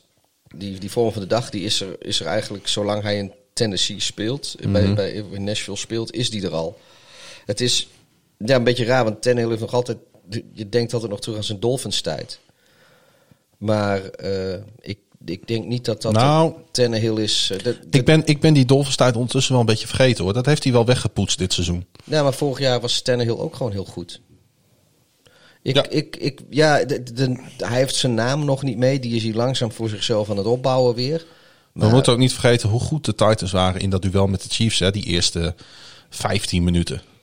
Ja, eh, eh, ja die, die, die, het leek er even op. eh, maar goed, dat, dat, dat, was, ja, dat was vorig jaar inderdaad. Ook de, de Texans die hadden ook, die, die, zetten ook zo 20 punten op het bord tegen Ja. de Chiefs. En, Ja. maar goed, dat. ik zei, je moet, dat, dat is wat, we- wat we zeiden. Dan gaan die Chiefs, die hebben zoiets van, wacht even, die gaat de verkeerde kant op en we zetten even de voet op het gas. En voor je het weet zijn ze er weer bij. Mhm. En, en dan is het erop en erover. Maar ik, ik denk wel dat de Titans van dit seizoen sterker zijn dan die van vorig seizoen. En ik moet eerlijk zeggen dat ik niet goed kan inschatten of ik de Chiefs van dit seizoen nou wel echt, echt beter vind dan die van vorig seizoen. Ehm, ik vind het ook lastig. Er de, de is een soort van. En ik heb dat iets ongrijpbaars genoemd vorige keer. En dat heb ik nog steeds. Waarbij ik het gevoel heb dat de Chiefs te verslaan zijn dit jaar. Maar Ja, misschien is het ook meer hoop. Eh, ja, eh, weet je, het is, dit is te veel koffiedik kijken. Ja, maar het- dit gaat ook, eh, loopt heel aan het weg ook bij de, bij de wedstrijd. ja, de. Titans die staan natuurlijk eerste op dit moment ook in hun divisie. Met eenzelfde record als de Colts. Als jij nu zou moeten kiezen wie de divisie gaat winnen, gaan de Titans dan gewoon een win-out doen en gewoon lekker die divisietitel pakken? Of gaan die nog een misstapje maken? Ik denk, als ik objectief kijk, denk ik dat de Titans een, een win-out eh, doen. Mhm. Ehm, ze spelen komend weekend tegen de Green Bay Packers. Volgens mij in Green Bay. Want de Lions waren nu in Nashville en de Bears zijn ook in Nashville geweest. Dus dan zitten ze in Green Bay. Ehm, ja, ik, ik hoop eigenlijk, dat klinkt heel gek, dat, de dat de Packers dat gaan winnen. Ja. Want eh, daarmee is, het, eh, is de nummer 1 seed voor de Packers eigenlijk een zekerheidje. En dan hoop ik dat ze hun beste spelers rust geven als ze in week 17 tegen de Chicago Bears spelen. En dat is natuurlijk uh, gunstig. En ik hoop dat de Titans winnen, omdat het voor de Ravens het allerbeste is voor hun playoff kansen. Dat de ja. Titans een divisie winnen, want we hebben een tiebreaker over de Colts en niet over de Titans. Ja, en zo heeft, hebben nog heel veel wedstrijden weer playoff implicaties, ja, voor, implicaties voor allerlei andere teams. Het wordt weer week, 7, week 15 was al boeiend, maar week 16 wordt dat misschien nog wel meer. Ja. En de Lions, ja. Volgend seizoen. Oké, okay, we gaan. We, weet je, ik heb al met jou afgesproken. We gaan hier een keer uh, off-season over praten. Over historisch slechte teams. Maar... Ja, of, of teams die, die, die uh, voor lange periodes dusdanig slecht presteren dat toeval eigenlijk uitgesloten is. Dat het haast, haast opzet lijkt. Precies, maar de Lions behoren daar wel bij, ja. hè? Ja, die, die, die, die maken aanspraak op, op die kwalificatie. Niet eens dat dit trouwens een hele slechte wedstrijd van de Lions nou, was. Oh, nee. Ze hebben echt slechter gespeeld dit seizoen. En ondanks de blessure speelde Stafford echt weer een, een, ja, een goede wedstrijd. Ik, ik, ik heb hem heel vaak, heb ik hem uh, gekscherend uh, Pat Stafford genoemd in het verleden. Omdat hij uh, over het algemeen zijn, zijn, zijn, zijn touchdowns en zijn yards in garbage time pakte als de Lions eigenlijk toch al verloren hadden. Dan klapte hij er nog een paar touchdowns ja, Dat was wel een quarterback die je altijd als backup zeker op je maar, fantasy roster kon hebben. Ja, maar dat was juist daarom. Ja. Pat Stafford. Maar ja, ik raak zo, hoe, hoe langer de, we, hoe verder we verwijderd raken in de tijd van de, van de Swatch uh, Lions, uh, waar ik echt een, een hekel aan had aan dat team mm -hmm. zoals dat speelde. Uh, hoe verder we daarvan verwijderd zijn, hoe, hoe meer waarderingen krijgen echt voor, voor Stafford als, als, als speler ook gewoon. En ja, ik, ik geloof ook dat er geruchten zijn dat hij wel eens kon vertrekken uit Detroit. Ja. Misschien is dat dan de quarterback waar de Colts achteraan zouden zitten. Ondanks zijn pijntjes dit, uh, dit seizoen heb ik nog niet het idee dat het klaar is met hem. Als hij naar de Colts gaat, mm -hmm. dan denk ik, dan word je in de, het, ja, of de, de, de Patriots. Want hij doet gewoon niet onder voor Rivers hoor. Denk ik. Nou, ik denk dat, dat als uh, uh, Stafford bij deze Colts speelt, dat de Colts uh, gewoon bovenaan had gestaan in de, in de, in de AFC South. Dus eigenlijk zeg jij hierbij dat de Colts aan Stafford nog een betere quarterback zouden hebben dan Philip Rivers. Ik, ik, ik beweer dat de 2020 met Stafford beter is dan 2020 Philip Rivers. En ik denk dat dat helemaal niet een, per se een hot take is. En ja, ja, als, als, als als Stafford naar de Patriots zou gaan om daar, uh, want mm. Newton, dat stopt denk ik ook, uh, dat experiment stopt na dit seizoen. Nou, het lijkt me verstandig voor de Patriots, ja.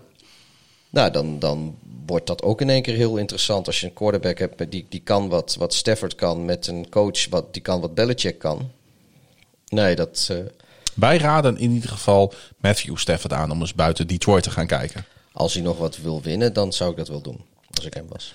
En als je zegt Tennessee Titans, dan zeg je dus automatisch, de, de naam viel al een paar keer, Indianapolis Colts.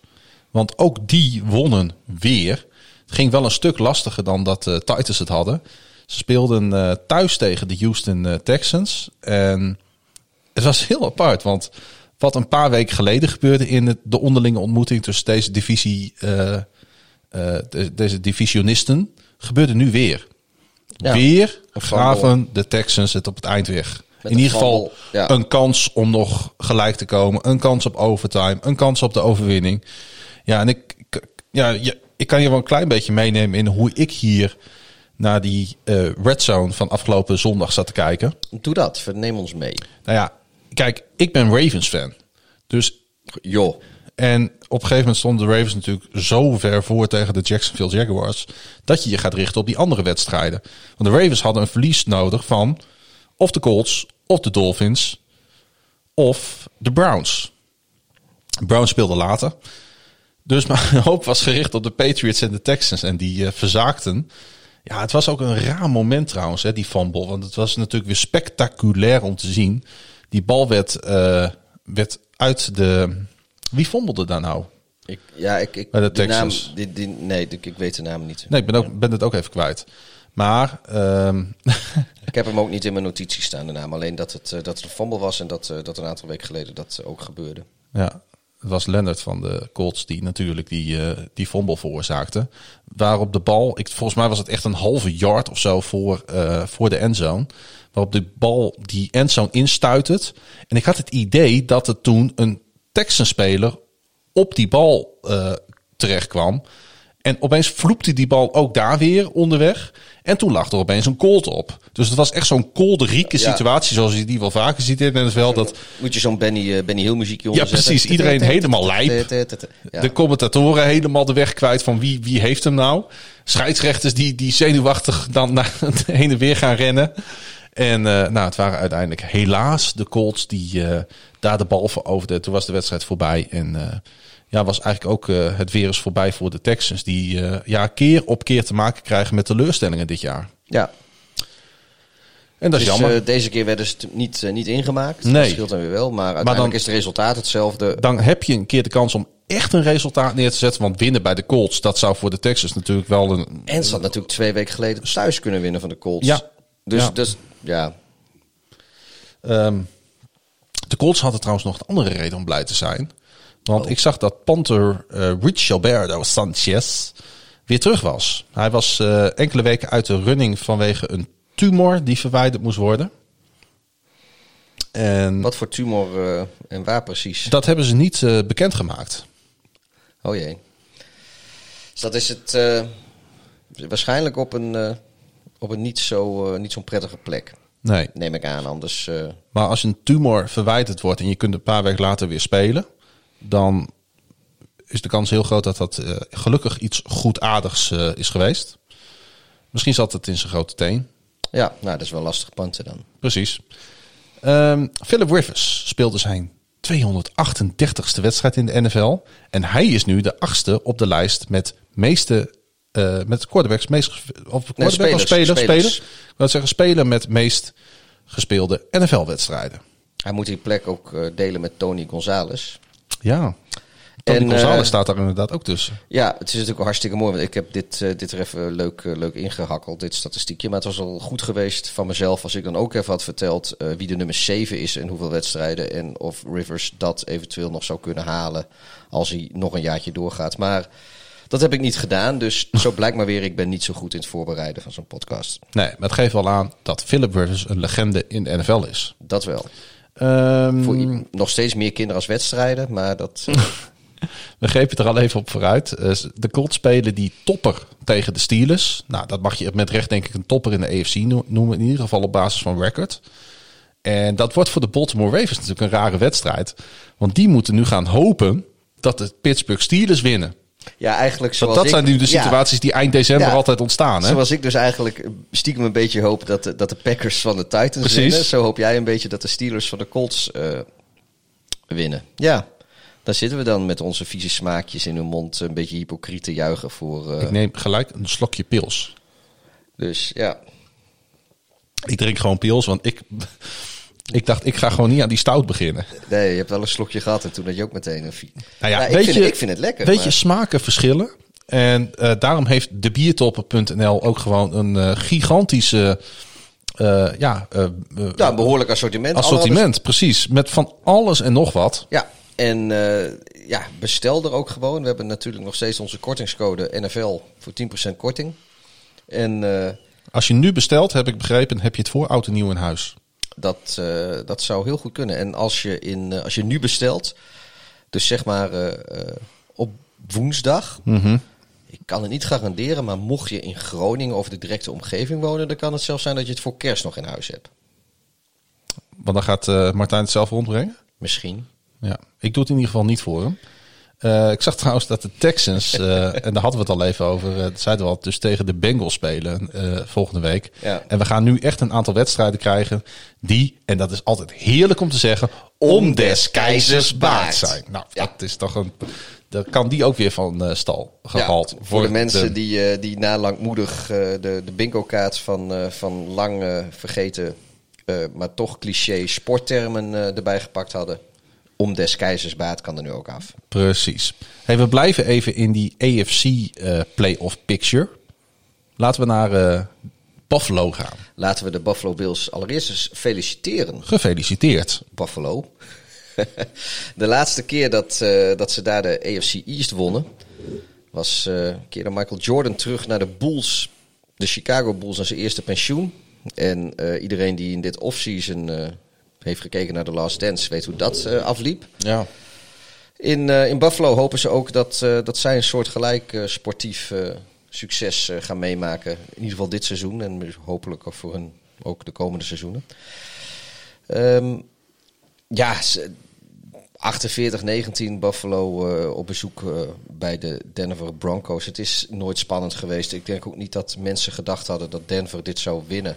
Behalve ik, die Denver had voorspeld. eh, maar dat was meer gewoon om het verschil te proberen te maken. Ah, ze speelden natuurlijk best wel aardig, de Denver Broncos, de laatste week. En ze begonnen Ja. ook aan deze wedstrijd wel weer. Dit was trouwens de potentiële upset die ik niet goed had. Ja, Want eh, ik, had het, ik had de andere upsets had ik gewoon keurig niet voorspeld. Ik, had gewoon voor de Rams en de Steelers gegaan. En Ja. hier ga ik dan voor. Het was precies wel als ik.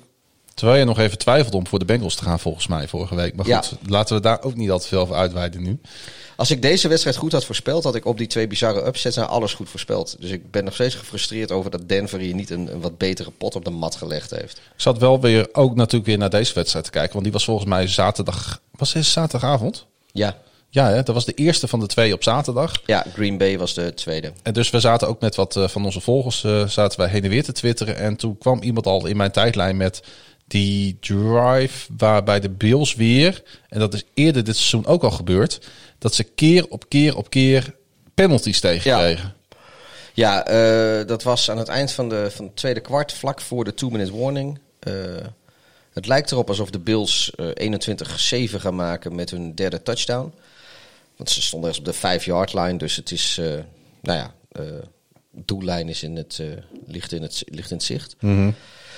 Hebben ze een ja, schitterende play, allerhande afleiding. En uiteindelijk eh, schiet eh Devin Singletary met de bal in de handen onbedreigd die endzone in. En dan lijkt inderdaad die touchdown gemaakt te zijn. Maar afgekeurd, penalty bij Buffalo, holding. 10 yards. Dus in één keer staan ze op de 15 yard lijn. En dan mogen ze nog een keer proberen eh, het te doen. En dan hebben ze een play, dan komen ze op de, weer, uiteindelijk weer terug, zeg maar twee yards voor de goal line. Dus dan Ja. denk ik van, nou goed, je hebt dan niet de touchdown gemaakt, maar je bent er heel dichtbij. En dan wordt hij weer afgekeurd, want er was weer een penalty. Dit keer offensive pass interference, weer 10 yard terug. Dus staan ze op de 25 yard line. En wat gebeurt er bij de Bills? Een valse start. En dan sta je dus met first and goal in één keer op de 30 yard line te koekeloeren. Dat is, nou het is nog niet buiten field goal range, maar het, het begint aardig op te schieten om, eh, om, om buiten field goal range te komen. En er is dan uiteindelijk niks aan de hand, want eh, er komt uit die aanval gewoon een, een, eh, een touchdown. Maar ik wil, ik wil nog wel zeggen, na, in de tweede helft van de wedstrijd hebben, ze, hebben de Bills nog een paar penalties in de red zone. Nog een keer een holding, nog een keer een offensive pass interference, nog een keer een illegal formation. Ja, klopt. Ehm, ik denk wel als de, de Bills zijn hartstikke, goed- zijn hartstikke goed team. Maar dat moet Maar eruit. Als, ze, als, ze te, als in de playoffs en zo, weet je, als ze tegen de echte, de, de crème de la crème van de, van de AFC spelen, dan moet je dit soort dingen niet doen. Want dan word je gewoon door goede teams, word je gewoon echt op een field goal gehouden. En eh, En dat kan je dus de wedstrijd kosten. ja, dat dit. Nou, ja. ja, Wat dat betreft goed dat, eh, dat, dat, eh, dat de Bills het nu meemaken. Want dan kan dat eruit. ja, ik hoop dat ze hiervan De komende weken, dat ik, ik hoop vond ik het ook viel best op, ze. want deze wedstrijd kwam wel heel veel voor. Ja, hey, eh, lag het nou aan mij? Of hoorde ik tijdens die wedstrijd iemand steeds heel hard op de achtergrond schreeuwen? Ja, er was een, een, een, eh, Heb jij dat meegekregen? ja, er was een, een schreeuwende fan. Ja, en, Die leek gewoon één, een enkel persoon die had. het, "Ah, ja, Want dat viel de commentatoren op een gegeven Ja. moment ook op, hè? Ja, en de, de hele tijd hoorde je dat. En ook op compleet random momenten. Dan, heb je, weet je, dan, dan zie je op, op het livebeeld gewoon dat spelers opstaan. En eh, eh, ja, weet je, het is tussen plays in. Er gebeurt niet zoveel. Nou, je bent zelf, als, als je bij een NFL-wedstrijd bent geweest, algemeen is het rustig in de stadions. Mensen Ja. die, die drinken bier, die kletsen wat. Of ze, ze halen snelle hotdog of weet ik veel. Maar had degene die erover ging dat gewoon onder de knop zitten of zo? Dat, dat denk ik. Want het was, het was natuurlijk Maar- allemaal Nou ja, het- gefingeerd, het- geluid. Ja, maar die, die schreeuw die duurde zo'n 20 tot 30 seconden, wat al vrij lang is. Ja. Want nou, hoef ik niet te proberen, want dan, kun je mij gewoon het zuurstof leggen als ik, eh, als ik überhaupt nog, eh, nog kan ademen. Zeker, zeker om half vijf ochtends. Ja.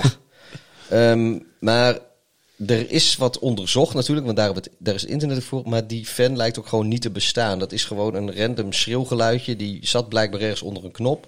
Nou, ze hadden het niet helemaal goed in, de, in, in het snotje in de regiekamer in ieder geval. Hoe dat Nee, dat- overkwam bij de mensen in de, in, in de woonkamer. Nee, dat, het, het, het, ging, het, het, het leek allemaal wat raar. Ehm, we dalen verder de, de AFC-ladder af. En dan komen we uit bij de Cleveland Browns. Die, eh, ja, ik vond het een beetje raar dat, nou eigenlijk niet raar, want het waren de New York Giants. Dus ze hadden deze wedstrijd verzet naar het flexibele Sunday Night Football sch- schedule. En omdat de Giants een grote markt hebben. Eh, Groningen heeft trouwens ook een grote markt. Ja. Maar omdat de Giants een Isegem grote... in België heeft ook een grote markt. Ja. Maar eh, de Giants die spelen natuurlijk ook nog gewoon voor de, voor de koppositie in de, in de NFC East. Dus dat, dat had ook van beide teams heeft deze wedstrijd playoff implicaties. Ja. Dus ik snap de flex wel. En toch heb ik met een eh, schuin oog naar deze wedstrijd zitten te kijken. Want ik was ondertussen ook nog met ander werk bezig zondagnacht. En ehm, eh, ik moet zeggen, het was, eigenlijk, eh, het was eigenlijk niet leuk. Het was gewoon geen leuke wedstrijd om naar te kijken. Nou ja, ik, eh, Tenminste, hè, Ik heb Cody als neutrale kijker, zeg maar. Hè? ik heb Cody Parkey tegen het houtwerk zien schieten. Weer een doink. Ja, En eh, ik kreeg allerhande traumatische flashbacks. Ik heb ook een poosje even... eh, ja, toch, toch een beetje in de feutushouding op, mijn, op, op, de grond voor de bank eh, een beetje gelegen. Voor, en, het duurde even voordat ik weer verder kon kijken met... beetje met geld, NFL. beetje geld denk ik. Een beetje, beetje mannen, mannentranen Ja, waren er wel, niet. ja. Maar ehm, fucking Cody Park. Ik snap überhaupt niet dat die man nog een baan heeft. Nee, En ik denk ook echt, de Browns moeten niet met Cody Parkey de playoffs ingaan. ik zat te denken, eh, waar de Bills moeten werken aan hun aanvallende penalties. Om iets in de playoffs van betekenis te kunnen doen, moeten de Browns zorgen dat ze een kicker hebben die ballen kan trappen. Nou ja, Cody Parkey is echt fucking goed als je tegen de paal wil schieten. als, als, je daar een, als het dat zeg maar vier punten was of zo. Wat ze best kunnen doen, want het is pittig. Maar dan hadden alle teams die zaten te, te, te bietsen om de hand van, van, van Cody Parkey. Maar dat is niet zo. En Alex Jansen op eh, Instagram die vroeg ook van... eh, Nou, hoe ver gaan de Browns komen in de playoffs? Nou, en ik, eh, ik verklap het jullie alvast. Als er een beslissende field goal gaat zijn en Cody Parkey moet hem nemen... dan is dat einde Browns in de playoffs. Ik, ik vrees het ook. En ik wil dan ook namens NFL op woensdag, namens ons allebei, wil ik graag eh, Namens de hele redactie. Ja, wil ik graag de Cleveland Browns adviseren. Nu kan het nog. Eh regel een andere kikker. Met het COVID-protocol duurt het geloof ik vijf of zes dagen voordat, eh, voordat je die bij je team kan voegen. Dus het, eh, voor komend weekend is het nog te laat. Maar die, die play-offs die haal je wel. Maar als je nu begint, heb je voordat de play-offs beginnen een andere kikker. En dan heb je in één keer heb je het stukken beter voor elkaar. wedstrijd had trouwens wel een klein beetje anders kunnen lopen. Want de Giants gingen in het begin twee keer, terwijl ze al, nou, laat ik zo zeggen, met hun, Ja. tok, hun tok of hun neus in de endzone stonden. In plaats van in het begin, ja, en ik snap het wel, je, je speelde om te Hadden winnen in slechte, december. hadden die ook een slechte kikker of zo? Eh, nee, maar ze, ze ja, Nee, nee ik, ik geloof ook dat... Judy eh, wou gewoon voor de overwinning gaan. En die gaat gewoon twee keer op fourth down. Gaat hij ervoor. Terwijl ze echt op een paar meter van de endzone staan. En ze halen het twee keer niet. Ja, Tegen natuurlijk die hele goede Browns ook, eh, defense. ja, ik geloof ook dat er na de wedstrijd was gezegd van ja, field goals don't win you games. Maar ja, als ze twee keer voor een field goal gegaan waren Ja. in plaats van... eh, nou ja, goed. Maar ja, ach, ja. Precies. En, ja, nee, maar dan, dan heb je zes punten extra op slag van rust. En dan Ja. zit je er nog minder dan een score. Of zit je er eigenlijk één score vanaf. Dan hadden ze, wat waren ze met drie of vier punten achterstand of zo. Waar is dan de rust in gegaan? Ik weet uit mijn hoofd niet precies meer wat de ruststand was. Maar dan, dan heb je in ieder geval de tweede helft nog iets om voor te spelen. Maar kijk, de Giants zijn geen, geen geen, geen wereldteam of zo. Die hebben Nee. wel her en der wat, eh, wat, wat interessante wedstrijden gewonnen. Zoals bijvoorbeeld eh, van de Seattle Seahawks. Maar ja, ze, ze- die wedstrijd was bij rust wel gespeeld. Mede vanwege eh, eh, het feit dat, dat, dat, dat de Giants volgens mij twee scores achter stonden. En Baker Mayfield speelde wel echt, echt heel strak. We hadden het over zijn accutaresse. Accutaresse hebben we het al vaker over gehad. Eh, hij had, zeg ik even aan mijn hoofd, een completion percentage over deze wedstrijd van 84% Dat is hoog hoor. Dat is echt ontzettend hoog. En dan hoef je niet eens heel veel passes te gooien. Dan hoef je niet eens heel veel touchdowns te gooien. Om dus van een New York Giants te winnen. En het was eh, hoe dan ook. Nou ja, was misschien niet zo'n hele leuke wedstrijd om naar te kijken. Maar Als de Giants maar zes punten maken, is één touchdown genoeg. daarom. Eh, ze maakten 20 punten. En ik moet zeggen, eh, alle respect voor de Browns die ja, gewoon zo'n potje wel gewoon winnen. Wie dat potje ook moeten winnen, dat zijn de Baltimore Ravens volgende week. Want dat is de tegenstander van New York Giants. Nou, dat, In Baltimore. eh, dat, dat mag toch geen probleem zijn voor, eh, voor de kraaien. Dat lijkt mij ook niet. Eh, en de Browns, die, die blijven volgens mij in New York. Ja, die hebben een tentje opgezet op eh, de parkeerplaats van New Meadowlands. Ja. Want, eh, want die spelen tegen de Jets. Oké. Nou, dat mag ik dus. Ja, je, je moet er niet overheen kijken. Want dat hebben ze in eh, Los Angeles eh, bij de Rams ook per ongeluk gedaan. Ja, Maar eh, ja, dat moeten de Browns toch gewoon winnen. het zou toch wat zijn als de Jets nog een wedstrijd weten te winnen. Ja, ik weet niet. Zou het nou... Dan ga ik naar Henk Kiel toe en dan kom ik hem krat bier brengen. Dat ga ik nu al zeggen. dan, dan gaan wij, als de Jets nou nog een wedstrijd winnen... gaan wij de podcast nou allebei met zo'n groen-witte muts op de podcast opnemen. Ja. Ehm, we dalen verder de ladder af in de AFC. En dan komen we uit bij de zevende seed. En die is voor, Eh, Miami? ja, voor Miami. Die namelijk wonnen van de New England Patriots. Die voor het eerst in, volgens mij, 10, 11, 12, 11 jaar... 11 jaar volgens mij geen play-off spelen. Ja. Je ziet niemand daar echt om huilen. Nee, zelfs in Boston vindt ze volgens mij wel prima. Maar Ja. ja. die hebben, die- ja, het is ook niet alsof zij nou te klagen hebben over wat zij de afgelopen 20 jaar hebben voorgeschoteld gekregen aan sportief succes. Nee, en het verwachtingspatroon was natuurlijk al laag aan het begin van dit seizoen. Dus ja, dit... eh, Ja, dit joh, wa- die hebben ook gewoon met, met de Bruins en de Red Sox eh, hebben die ook eh, weinig klagen gehad de afgelopen tijden. Dus in Boston, het is, het is niet, niet, niet lastig om, om fan te zijn voor, van Boston Sports. Nee, daar heb je helemaal gelijk in. Ehm, en de Dolphins, ja, die klampen zich al, nu al een paar weken vast aan die laatste seat in de AFC. Ja, Maar eh, ik moet wel zeggen, ze hadden natuurlijk echt, echt wel een paar hele eh, bepalende blessuregevallen deze week, de Dolphins. ja toen had eigenlijk niemand om naar te gooien. Ze hadden die, eh, die, eh, die tight ends met die, eh, met die? Oostbloknaam. Ja, ik zeg, die lijkt een beetje of, of, of die badkamers eh timmert in elkaar. Ja, ik blijf het zeggen, ik ben groot fan van hem. Ja, ik ook. Ehm, maar die was er inderdaad niet bij. Ze misten receivers. Ja, nou, dus besloot eh, Tua direct maar om die bal te gooien naar iemand van New England in het begin van de wedstrijd. Maar dat maakte hij uiteindelijk wel weer goed. Ik, eh, hij speelde zeker de, de, de, de tweede, tweede helft van de wedstrijd speelde die, speelde die heel sterk. Ik heb vaker gezegd, ik zit niet op de Tua bandwagon, maar eh, credit where credit is due. Zijn, zijn tweede helft was gewoon echt heel sterk. Terwijl die eh, vrij beperkt was in de wapens die hij had. Maar dat kan eh, ook zomaar veranderen volgend jaar, want... niet alleen zit er, is de kans levensgroot dat ze in Miami de playoffs halen. Die, die derde ronde van in de, voor de draft, of de, sorry, de derde overall pick in de eerste ronde van de draft zit er voor Miami ook nog steeds in. Dus dan daar zijn vast wel leuke spelers die ze erop kunnen pikken om hun toch al niet verkeerde team nog sterker te maken. Dat is helemaal waar. Dat is volgens mij is dat een pick van de Texans. Ja, die hebben zij, hè? Ja, de, zij hebben de eerste ronde pick van de Texans. En het, eh, er, er is, eh, het lijkt erop dat dat de, de derde pick overal gaat worden. Mhm. Als de, de Texans zo door blijven mieren. Nou, lekker vooruitzicht voor ze inderdaad. Ehm, en als we dan nog weer een treetje lager gaan, dan komen we uit in Baltimore. Oh ja, nou, dat, ja, vertel. Nou ja, die dus met 40-14 van eh, Jacksonville wonnen. Daar wil ik eigenlijk niet al te veel woorden aan vuil maken. Ja, we, ja die safeties, eh, we hebben het al even over gehad. Ja, dat was dan wel leuk. Maar aan die safety ging dus wel een interceptie vooraf. Was niet zo heel erg. Aan de andere kant maak ik me nog steeds grote zorgen om de diepe bal van Baltimore en ook van Lamar. Want daar komt gewoon echt bijna niks aan. Aan de andere kant, hij wordt nu. Daar ben ik gewoon wel heel Is, blij hij, om. is het dan toch weer een running back en niet zozeer quarterback? Nee, nou, ik zoek het eerder in het receiverkorps, moet ik je heel eerlijk, eerlijk zeggen. Als je kijkt hoe, wat de lengte van Hollywood Brown is. Ja, die. Ja, maar dan moet je als quarterback moet je dat toch rekening. Ik bedoel, Ja. nou laat ik zo zeggen. eh, kijk, ik, kritieken op quarterbacks, dat, eh, dat hoor en lees en, en zie ik eh, eigenlijk al zolang als ik de Bears volg. Want Mhm. die hebben daar natuurlijk wel geschiedenis in.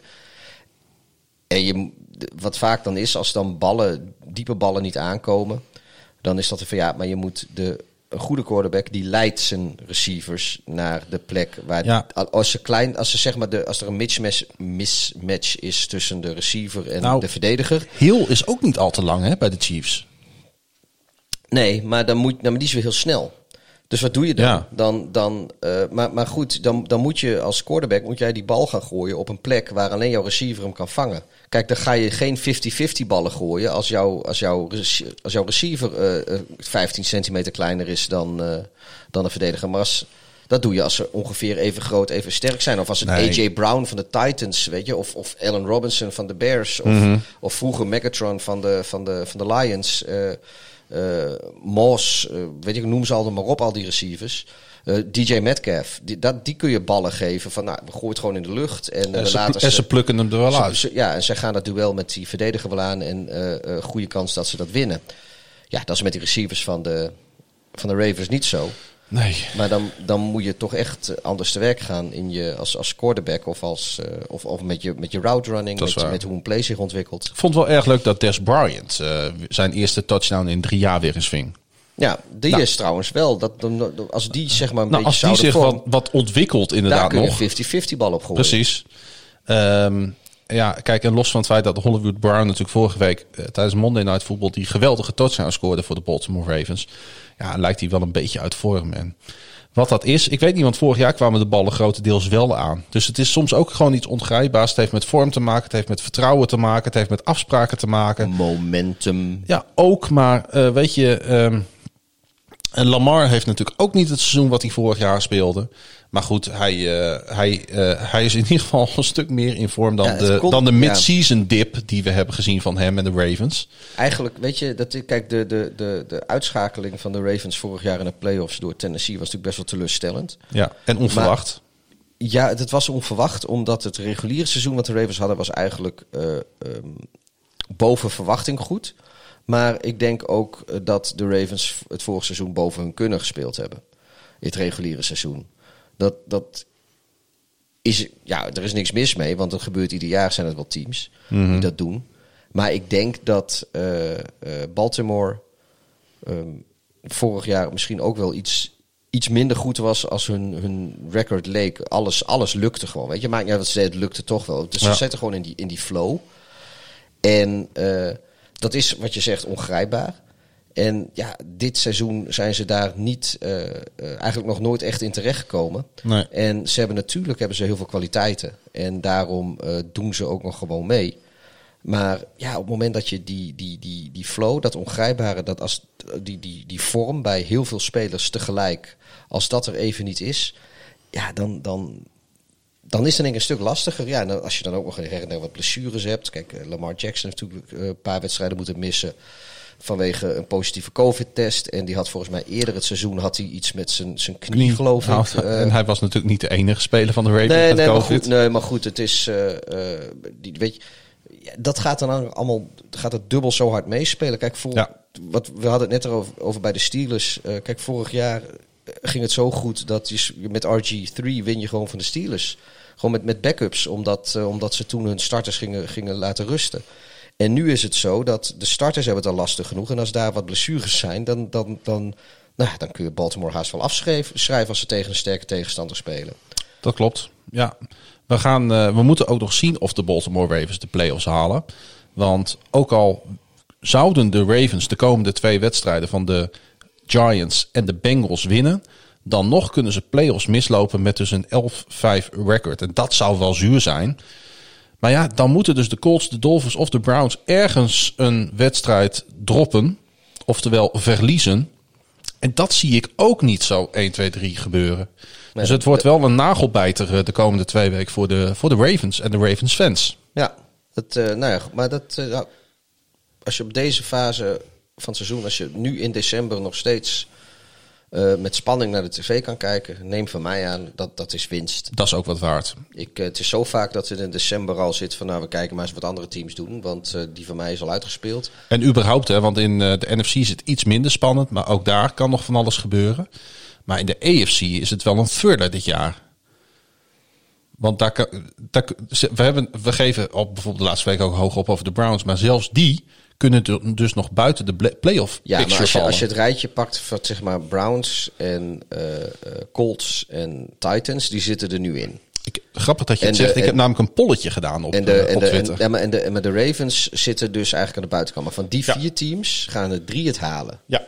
Dat is eigenlijk dezelfde situatie die er ook in, in de in de NFC zit. Want daar heb je dus met de, de Buccaneers en de Rams en de Cardinals en de Bears.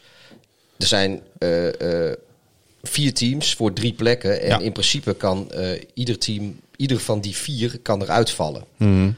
Alleen wij hebben natuurlijk de pech dat, dat zowel jou als mijn team de, op dit moment aan de buitenkant zit. Maar dat is waar. we hopen dat dat de komende week gaat veranderen. Maar onze, ja. onze volgers op Twitter, want ik denk ik gooi me gewoon even in vanavond. Die gaven in meerderheid aan dat zij denken trouwens dat de Dolphins uh, het team is wat er nog buiten gaat vallen. En daarna komen de Ravens. Nou, ik denk dat uh, dat zou, dat zou zomaar kunnen, maar... Ik denk, ik denk dat de, de ik, ja, ik hoop, Mijn gevoel zegt dat de Ravens er net buiten gaan vallen. Ik hoop in elk geval dat de Browns er niet buiten gaan vallen. Die kans is niet zo groot, maar na al die jaren van ellende, en het zou ook wel typisch Brown zijn dat ze een 11-5 seizoen hebben en eruit vallen. Dat, ja, dat, dat zou wel echt des Browns zijn, maar... Ik zou het hilarisch vinden natuurlijk. Ja, ik... Want dat betekent dat de Ravens erin zitten. Ja, dat... Bovendien zijn de Browns niet heel erg geliefd in Baltimore, kan ik je vertellen. Nou ja, dat, dat ik, ik snap niet waarom, want dat zou eerder andersom moeten zijn.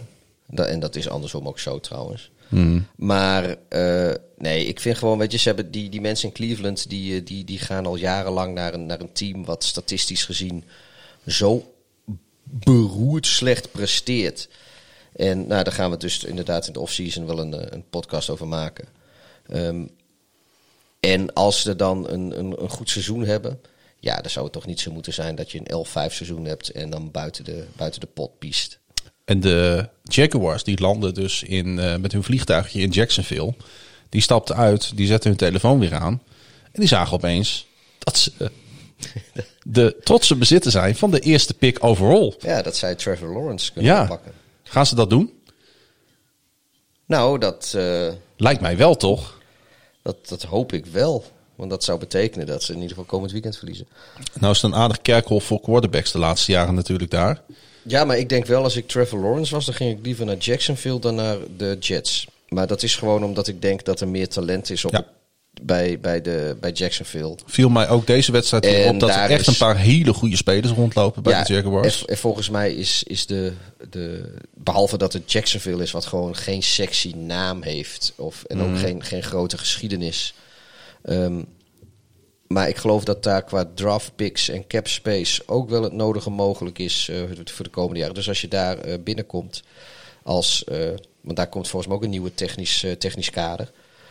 Ja, als je daar binnenkomt en je hebt de eerste overall pick met een Trevor Lawrence die daar beschikbaar is, plus dat, dat, dat het financiële plaatje en de rest van de picks eh, eh, voor de komende jaren gewoon redelijk op orde is. En je hebt een selectie die niet super slecht is, of tenminste, waar je, waar je met, met, een, met een redelijk aantal spelers waar je wat mee kan. Mhm.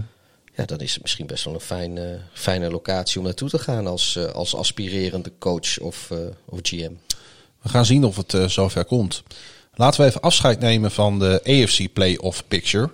En laten we ons richten op de NFC Playoff Picture. En ehm, die begint natuurlijk bij eh, de Green Bay Packers. Want dat is nou eenmaal het team met de eerste seed in de NFC. Ja, is, eh, zo ontvingen op Lambeau Field de Carolina Panthers. Op Saturday Night Football. Ja, het was niet een hele spannende wedstrijd. Nee. eh, in die zin eh, eh, dat iedereen had van tevoren gedacht dat Green Bay zou winnen. Dat is ook gebeurd. Maar Ik haakte af in de rust. Snap je dat? ja, ik, ik, ik, ik ook wel. Want toen was het... Kijk, de, de Panthers die, die speelden eigenlijk helemaal niet zo slecht. Alleen Nee. geven in het tweede kwart geven ze een turnover weg. Op, op, ja, een fumble eigenlijk. Weet je, zoals de Texans dat ook een aantal keer gedaan hebben Ja. de laatste weken. Ze staan te kloppen op de deur van de endzone van Green Bay. Ehm, ergens op de 1 of 2 yard line, weet ik veel precies waar ze stonden. Maar ze verliezen eh, de bal eh, in een fumble. Die wordt teruggelopen tot bijna de red zone aan de andere kant van het veld.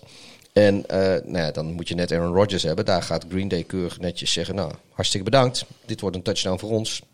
En in plaats, terwijl ze dus eigenlijk zonder de Panthers zelf op het punt een touchdown te maken. Dus Ja. in plaats van dat het, eh, op dat moment was het 14-3 voor Green Bay. Dus in plaats van dat het 14-10 wordt op slag van rust, met dus een, een gat van vier punten en nog alles voor te spelen in de tweede helft, wordt het 21-3. Ja, en dat, dat komen ze gewoon niet meer te boven. Want eh, ja, ik, ik, uiteindelijk hebben de, de, de, de Panthers in de tweede helft wel veel meer gescoord als Green Bay. En Rodgers en de, de Packers hebben het in de aanval echt wel geprobeerd. Maar ja, Het wou niet echt meer naar rust, hè? Nee, die werd gesekt. Die Panthers, die kwam goed door. Ja, Ja. En, en ik heb nog eventjes wel gedacht van nou misschien hebben ze daar ook wel even de voet van het gas gehaald eh, met het oog op eh, eh, de rest van het seizoen. Maar dat, dat is niet zo, want Rodgers heeft zich geloof ik nog een keer of drie of vier eh, is die gesekt. Nou, dat ga, laat je niet gebeuren als jij eh, eh, de playoff aspiratie... Dan, dan haal je je quarterback er wel uit. Ja. Dan zet je wel zo'n andere gast erin. Ja, Het was zeker geen luxe overwinning. Nee, en ik, ik baal gewoon. Ja, ja, in baal. Ja, weet je, ik, ik, ik had wel willen zien wat er gebeurt als het inderdaad dus met, eh, met 14-10 werd gerust. Ja. En zo zie je maar, de één play, Ja. eigen één moment beslist die hele wedstrijd voor mijn gevoel. Ja, en beslis wel, misschien ook wel in verregaande eh wat er, hoe de playoff picture eruit komt te zien in de NFC. En Ja. daarmee ook weer voor anderen. Het is, het is eh, iedere Kijk, eh, we, we hebben wel eens eerder terecht gezegd. in principe heeft deze wedstrijd, deze speelronde, net zoveel playoff implicaties als in week 4. Ja, maar Alleen dan zie je ze nog niet. Nee, precies, nu zijn ze mooi duidelijk. Nu zijn ze echt duidelijk, hè? Ik vond het wel, eh, wat ik grappig vind, kijk, het was eh, Teddy Bridgewater die, eh, die die bal fummelde omdat hij een QB sneak probeerde vanaf de 2-yard line. Dat is natuurlijk een hele domme play call, want dat doe je vanaf de 1-yard line of korter. Ja. Dan zegt Matt Rule, I told him from day one, we don't reach the ball across the goal line. Want hij, hij strekte zich echt uit en dan kun je die bal verliezen. Maar hij heeft toch die play gecallt? Ja, maar dan denk ik, gast, wat denk jij nou dan? Dat, Ja. dat, dat, dat Teddy Bridgewater wel eventjes door, door zo'n hele defensive line van de Packers heen shout? Nee, die, die, als jij vanaf de 2-yard line een QB sneak callt, dan is een reach out het enige wat, wat zijn quarterback kan doen. Dus ja, dan denk ik ook van, ja, Matt Rule, die in principe coach die eh, niet een heel beroerd seizoen, maar hier ging Nee. hij toch wel even heel nat, vond ik hoor. Ja, en zeker, en zeker ook als je het in, precies dat in oogschouw neemt, dat je dat dan na de wedstrijd zegt. Ja, eigenlijk gooit hij Bridgewater onder de bus, terwijl hij zelf hij moet zichzelf onder de bus gooien. Terwijl, terwijl hij zelf gewoon helemaal mis zat met, met de play Precies. Want of hij had niet door dat ze nog maar op de twee-yard line stonden en het dus niet dichterbij was. Nou, dan zit je gewoon niet op te letten als coach. Hmm. Of hij called gewoon helemaal de verkeerde play. Ja. En volgens mij had Aaron Rodgers nog eh, een mooi eh, record te pakken. Ja, hij is de eerste quarterback ooit die eh, drie seizoenen met 40 plus eh, touchdowns op zijn naam kan zetten. Hij, eh, hij had er ook een commentaar op, op de, de droge maniers die we eigenlijk wel gewend zijn van Aaron Rodgers. Hij was blij dat, dat hij dat record nog pakte nu Patrick Mahomes nog jong is. Zoals hij zei, because I'm sure he'll bump that number up pretty quick. Dus Aaron Rodgers die verwacht dat, dat Mahomes eh, de 40 plus touchdown seizoenen aan elkaar gaat rijgen eh, in afzienbare tijd. En ik denk dat hij daar ook eh, geen ongelijk in heeft. Nee. Hey, de ehm, Packers dus op, op één. En wie ook opeens weer naar boven schieten in de NFC playoff picture, dat zijn de Seattle Seahawks. Onze vrienden uit Washington, die speelden In Washington. En eh, een 2015 overwinning voor eh, de Seahawks in, eh, in, in Washington. Ja, ik was in. Ik, ik zei, nou ja, jij, jij noemt steeds in, in dat rijtje kanshebbers. eh, laat jij de Seahawks wel eens weg? Ja, ja het, het, deels wel en deels niet. Want ik heb het ook een paar keer was dat juist in, in, in de context van welk team kan de op dat moment nummer 1 seed Green Bay verslaan. Of de nummer twee, en dat, dan noemde ik steeds, daar noemde ik de Seahawks steeds niet, omdat ik denk dat die daar dat Maar ze hebben wel een stapje terug gedaan, hè? Zo gedurende het seizoen. Want het was Ja. natuurlijk echt in die eerste weken werden we als kijkers weggeblazen door Russell Wilson. Ja, maar, die, dat, maar die had zat natuurlijk ook wel die hele beroerde defense. En daar, daar blijf ik ook nog steeds een beetje bij. Kijk, als eh, die defense is nog steeds niet denderend. Maar eh, kijk, als bijvoorbeeld de Seahawks tegen Green Bay gaan spelen in de playoffs. De Green Bay defense, vind ik, die, die kan meer beginnen tegen Russell Wilson, denk ik, dan dat de Seattle defense kan be- beginnen tegen Aaron Rodgers. Ja. En eh, vandaar dat ik steeds, eh, steeds denk van, van, nou ja, dit, je weet nooit hoe een koe een haas vangt. Maar ik denk gewoon dat teams als de Rams eh, en... wat zou ik nou? Ik had de Rams en de... Saints? Ja, in ieder geval, ja, de, de Rams die waren het best, best uitgerust om, om de Packers Oh te ja, verslaan. dat was het. Ja. En niet zozeer dat de Rams het beste team zijn in de NFC. Maar qua die- die- matchup- qua matchup gewoon. Ja. Dat, eh, maar goed, los van dat. eh, nee, ik heb, ik heb best wel respect voor de Seahawks. Alleen, eh, ja, ik, ik schat ze inderdaad niet, niet hoger in dan bijvoorbeeld de, wat ik de Saints en de, de Packers een heel seizoen al doe. En misschien wel Washington voetbalteam. Want het is niet uitgesloten dat als Seattle deze divisieleiding weer weggeeft... dat deze twee teams elkaar tegen gaan komen in de Dat playoffs. kan eh, heel goed. De Washington voetbalteam staan namelijk gewoon lekker eerste, ondanks dit verlies nog steeds in hun divisie. Eh, wat ik wel heel tof vind om te zien aan Washington, eh, en dat, dat was ook nu weer zo, ze zijn gewoon lekker competitief. Je wint niet meer zomaar van ze. Nee. Je kan zelfs zomaar van ze verliezen. Ja, precies. Het is, en ze hebben dan weer, nu weer de pech dat, dat het met de quarterback steeds niet lukt. Ja. Want eh, defensief zit het goed in elkaar. Ze hebben En- een ongelooflijk lastig programma de laatste weken. Ja, Want dit is natuurlijk ook voor hun echt een hele moeilijke pot. Ja, de, ja, nu hebben ze de Carolina Panthers staat voor de komende, komende weekeinde op Dat is de eerste keer in weken dat ze weer een tegenstander hebben Met die een losing ze- record. Juist. Ja, Maar ze hebben het natuurlijk geweldig gedaan. en ze sluiten af, ik geloof, tegen de Eagles. Ja. Maar ew, Dat kan wel eens een hele leuke wedstrijd worden. ja, nee, maar kijk, als, als zij gewoon lekker met, eh, met, met, met Alex Smith of zo hadden verder kunnen spelen, eh, dan was het denk ik, hadden ze het alweer wat, wat, wat anders. Maar ja, er zat die Dwayne Haskins en die is natuurlijk eerder het seizoen is hij op de bank geparkeerd. Nou, hij mocht er nu weer afkomen. En de eerste helft leek het nergens naar wat hij deed. Eh, tweede helft was, was wel een st- stuk beter hoor. Maar Ja. ja, daar, Dwayne Haskins win je gewoon de oorlog niet mee. En Nee, dat ben ik eigenlijk, met je eens. eigenlijk is Washington is ook zo'n team wat één goede quarterback verwijderd is van, van relevantie, om het zo maar te zeggen. Zeker met deze topcoach die ze hebben. Ja, onze, de enige, enige, enige, enige vriend van de show. Ja, ik blijf en ben fan van hem. Ik heb een beetje de Washington voetbalteam geadopteerd. eh, geadopteerd dit, dit, dit seizoen. Ik vind het altijd leuk om ook naast de Baltimore Ravens een, eh, een paar teams ernaast te hebben die ik wat extra volg.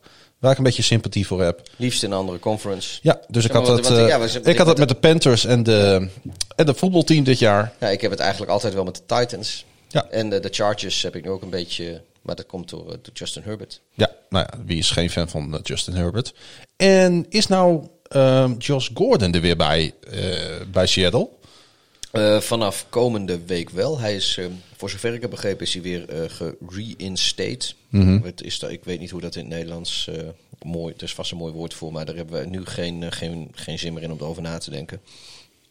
In ere hersteld. Whatever. Ja. Hij, hij mag weer meedoen van, van de league.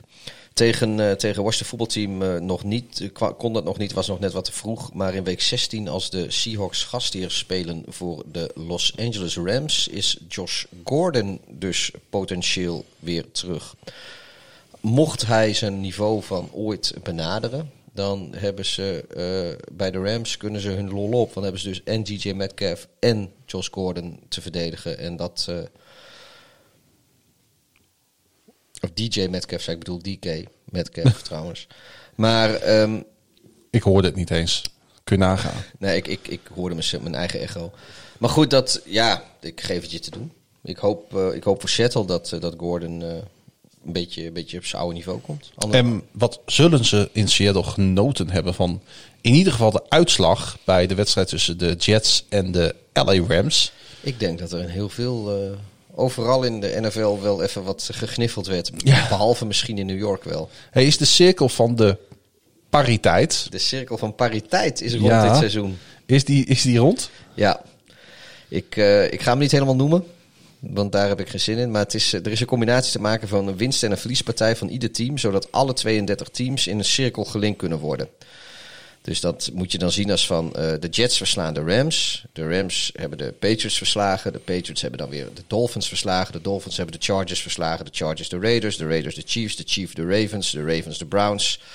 Nou, zo kun je alle teams bij afgaan. Tot je aan het einde weer komt. De Eagles die hebben de Saints. De Saints hebben de 49ers. En de 49ers de Jets. En daarmee is de cirkel rond. Dat gebeurt lang niet ieder seizoen.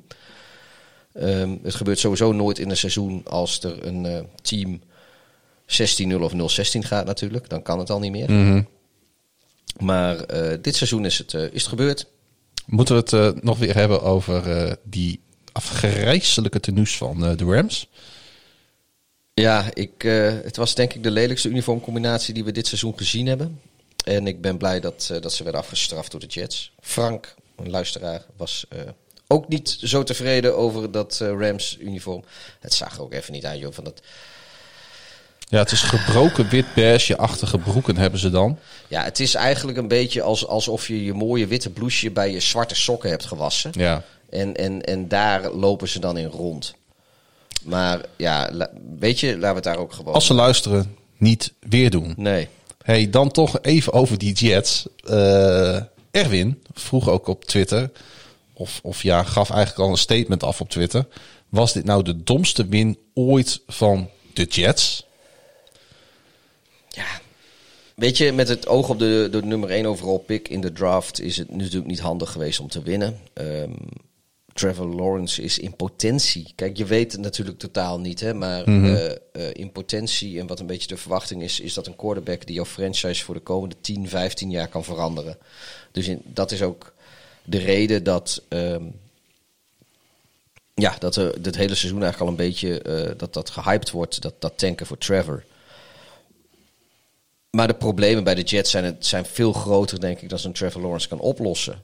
Ja. Eh, dus ik denk ook dat, eh, dat eh, Trevor Lawrence zelf en zijn, iedereen die, die hem dierbaar is, juichend voor de tv heeft gezeten. Want ja, Jacksonville is ook niet de meest sexy bestemming. Maar ik denk dat dat, dat echt wel beter is dan, dan de New York Jets. Want Ja, daar is moet wel wat meer gebeuren, Mis, daar is zoveel mis. ja. Moeten ze daar net zoals bijvoorbeeld bij Cleveland gewoon helemaal de bezem door de organisatie gooien? Ja, dat, dat ja, de, kijk, Cleveland heeft, eh, heeft, heeft eh, twintig jaar lang, zeg maar sinds 99 dat ze opnieuw eh, begonnen zijn, hebben zij op een, op een onwaarschijnlijke manier zijn ze slecht geweest. De, de Jets hebben natuurlijk tien jaar geleden nog twee keer de AFC Championship game gespeeld, maar eigenlijk zijn die sindsdien zo'n enorm dal van, van irrelevantie ingerold en, en het is niet erg als je een slechte periode hebt of af en toe dingen verliest of weet ik wat. Maar bij de Jets zat Nee. ook echt alles tegen. Weet je, Ja. De- het werd ook gewoon vernederend. Dingen als die butt fumble, natuurlijk tegen hun grootste, gro- tegen hun grootste rivaal. Weet je, het, het, het, het, het zat ze ook gewoon nooit mee en er zijn nooit conclusies getrokken. Dat, dat die ownership daar, die, die eigenaren, ja, de, ik, kijk, ze verkopen een stadion redelijk uit. Die tv-rechten, dat zit allemaal, dat tv-geld zit goed. Marketing, want het is New York, het is een grote markt, ze zijn een populair team. Ze hoeven niet te winnen om enorm als team, om, om als organisatie enorm veel geld te verdienen voor de eigenaren. Dus er is eigenlijk voor die eigenaren ook niet zoveel, niet zoveel incentive om er echt wat aan te doen, want, want het, het geld stroomt gewoon binnen. Ja. Ongeacht wat de resultaten zijn. Dus waarom? Want spelers zijn wel gebonden aan een salary cap. En dat is in principe gewoon, eh, nou ja, dat, dat kun je gewoon gebruiken. Maar alles wat je de, er buiten doet, de faciliteiten en de, de, de, de, de trainerstaf en, en de coaching en, en alle ondersteuning. Ja, dat moet je in principe als organisatie allemaal zelf regelen. En eh, iedere cent die je daaraan uitgeeft, dat gaat ten koste van de bottomline voor de eigenaren van dat team. Dus ik weet ook niet of ze nou bij de Jets nou wel zo genegen zijn om daar echt, echt wat aan te doen. Dus ik weet het niet. Ik, eh, ja. Ik denk dat Trevor Lawrence blij moet zijn dat hij niet naar New York gaat. En eh, laat New York eerst maar eens hun eigen eh, zooi op orde hebben. Sportief gezien. En dan worden ze vanzelf weer een aantrekkelijke bestemming, denk ik. Waarvan akte. Verder is natuurlijk de vraag: verandert dit hoe we de kansen van de Rams voor het postseason inschatten? Wij hebben hoog over ze opgegeven. Werden we ook wel weer een beetje op afgefikt op Twitter. Ja. Ehm, We zagen ze als, nou, eh, misschien wel de grote favoriet in de NFC. Ja, nou ja, dat, ja en dan niet. niet Laten we zeggen dan samen met de Packers. Nou, ik, ik, kijk, ik, ik, ik vind gewoon. ehm, zij, de, de Rams zijn goed genoeg om in principe de eerste ronde door te komen, de, de wildcard ronde. En daarna, ja, dan zit je bij teams als New Orleans en Green Bay die je moet gaan verslaan. En daar zie ik de Rams wel toe in staat. Simpelweg omdat die matchup gewoon heel gunstig is. De Rams hebben een hele sterke running game, een hele goede defense. Maar ook eh, als het moet, kunnen ze met de passing game kunnen ze gewoon een tegenstander echt pijn doen. Omdat McVay hele slimme plays eh called die Goff uit kan voeren. Ja, en, en dat, zijn, dat is nou net iets. Ja, de, de, de run defense van Green Bay is niet zo denderend. Eh, eh, de New Orleans Saints hebben het lastig als ze tegen de echt goede defenses spelen. Ja. Met goede pass rush. Nou ja, Aaron Donald, eh, die komt door het centrum dan steeds op Drew Brees af. Nou ja, daar wordt Drew Brees niet vrolijk van. Dus ja, in die zin, qua matchups, dan is, zou, zou de Rams zomaar de, de, de Super Bowl kunnen gaan spelen. Of de NFC Championship game. Zoals het nu lijkt zijn ze wel eh, Cam Akers. Hebben ze dan wel weer terug in de playoffs. Dat, dat, ja, ik, ik verwacht van wel. Zijn blessure is niet zo erg als die van Clyde Edwards-Helaire. Want eh, dat waren we nog even vergeten te benoemen in die wedstrijd van de Kansas City Chiefs. Eh, bedacht ik mij toen ik aan Cam Akers dacht. Want die gingen wel af met een gruwelijke blessure zo op het oog.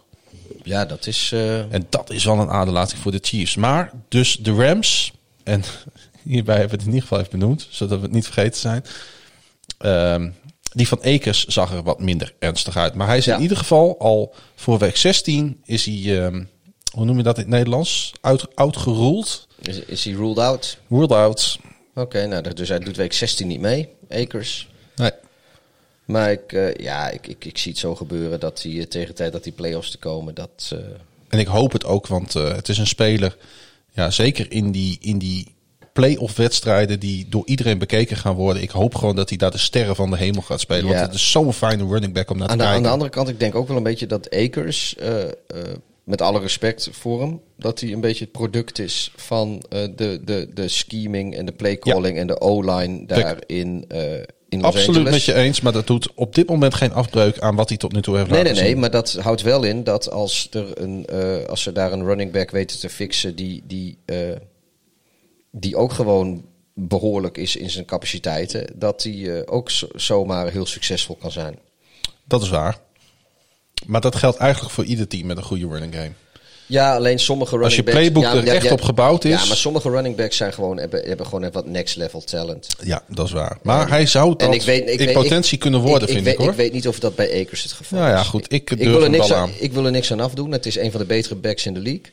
Maar eh, ik denk wel dat, dat Akers eh, een, een voor een groot deel eh, het, het, het, het product is van, van goede playcalling, goede O-line. zijn we alweer aangekomen bij de laatste seed in de NFC playoff picture.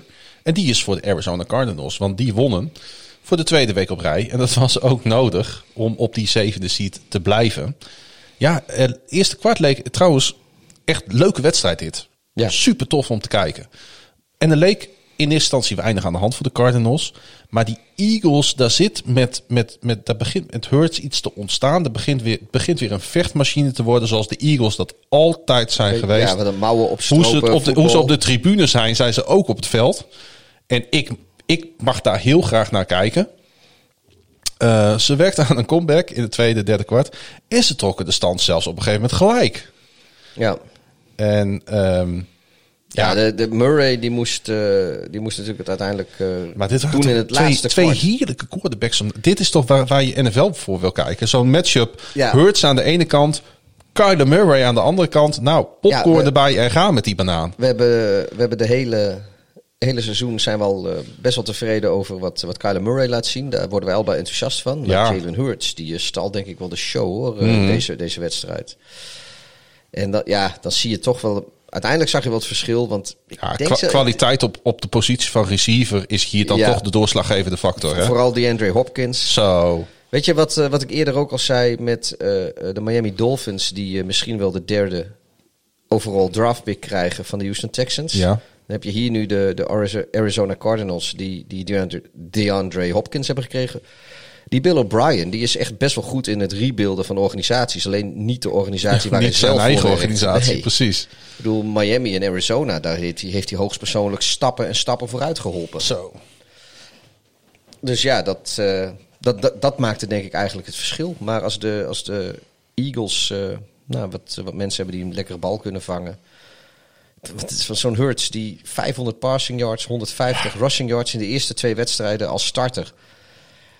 Dat, dat heeft nog nooit eerder een speler gedaan in de NFL-geschiedenis. En het is een beetje cherry-pick stat. Want er was, misschien was er wel een speler met, met 480 passing yards en 160 rushing yards. Ik noem maar wat, dat, dat weet je niet. Die Amerikanen die houden van dit soort eh, cherry-picking. Maar 500 passing yards. Weet je, het is gewoon over twee wedstrijden. Is gewoon 250 yards door de lucht en 75 over de grond. En dat is voor een quarterback, zeker voor een rookie... die midden in het seizoen er even in moet komen... is dat uitstekend. Is Je echt moet, heel goed. Je moet wel altijd afwachten met dit soort quarterbacks. Of als andere teams het doorhebben waar Ja, de Eagles ja. mee bezig zijn. De video's binnenrollen, de beelden binnenrollen. Of ze natuurlijk. zich daar niet heel goed op kunnen aanpassen. Maar vooralsnog Nou ja, kijk, hij denk ik van waarom hebben ze in hemelsnaam dit niet eerder in Philly gedaan? 401 total yards en 4 touchdowns, geen intercepties. Dat is wat hij eh, deze wedstrijd deed. Nou, Carson Wentz, die hij dus even vervangen heeft, nog nooit 400 total yards in een wedstrijd bij elkaar gegooid. En ook nooit een wedstrijd met 4 touchdowns zonder intercepties. Dus ja, weet je, er was ook ooit een moment dat de tegenstanders niet wisten wie Carson Wentz was. En toen kon hij dit soort dingen ook niet. En Carson Wentz, die heeft wel eh, gespeeld voor een Eagles team dat Ja. een jaar later volgens mij al naar de Super Nou, Bowl ja, dat is fair dat je dat zegt, dat klopt. Ja, En, en ik denk dat, de, dat, dat de, de eerste twee jaar van Wentz, na het eerste jaar eh, dan niet, maar het tweede jaar ging hij naar de Super Bowl, eh, als ik me goed herinner. En die heeft zijn, zijn, zijn, zijn, zijn eerste jaren echt wel voor be- een beter getalenteerder eh, Eagles team gespeeld als waar Hurts nu voor eh, debuteert op een lastige manier. want die O-line is nog steeds houtje touwtje. Ja, maar ja goed, eh eh, Hurts die staat niet als een standbeeld te wachten tot iemand hem alsjeblieft een keer komt zitten. Nee, nee. Die gast heeft echt zijn mobiliteit mee. Ja, Ja, ik vond het een genot om naar te kijken. Beide quarterbacks, beide teams. eh, de, de, de passie spatte er vanaf. En wat er ook vanaf spat, dat is het blik bier wat jij opentrekt. ja. dat is een... eh, Doe je mij ook een drupje? Ja, het is deze keer weer met een IPA. Had ik wel even zin in. Na al dat stoute geweld. Waar komt die vandaan? Oeh, damn, Appingen. Damn. Het is... eh, Of voor... Het heet Prins en het is van brouwerij Vloem uit Appingedam. Er staat een plaatje op van Amsterdam, maar laat je niet foppen. Het komt gewoon uit... eh, Voor de, mensen die het, eh, voor de mensen die het niet kennen, ligt het inderdaad helemaal in het noordoosten van Groningen. ik ken het toch van de hangende keukens. Van de hangende keukens, Ligt inderdaad. Prachtig plaatsje. Ligt tegen Delfzijl aan. Ja, aan de Dollard, zo ongeveer. ja. En eh, aan de overkant van het water, van het Wotter, kun je Duitsland zien liggen. ja. En eh, ja, mocht je En- een keer een, eh, een weekendje Groningen doen, kan ik je absoluut aanraden om de stad en, en een plaatsje als Appingedam een keer te Ja, combineren. en als je dan toch bij Appingedam bent, ga dan even Ga dan naar deze brouwerij. Ja, we gaan dan even naar Temuntezeil en eet vis bij Landman.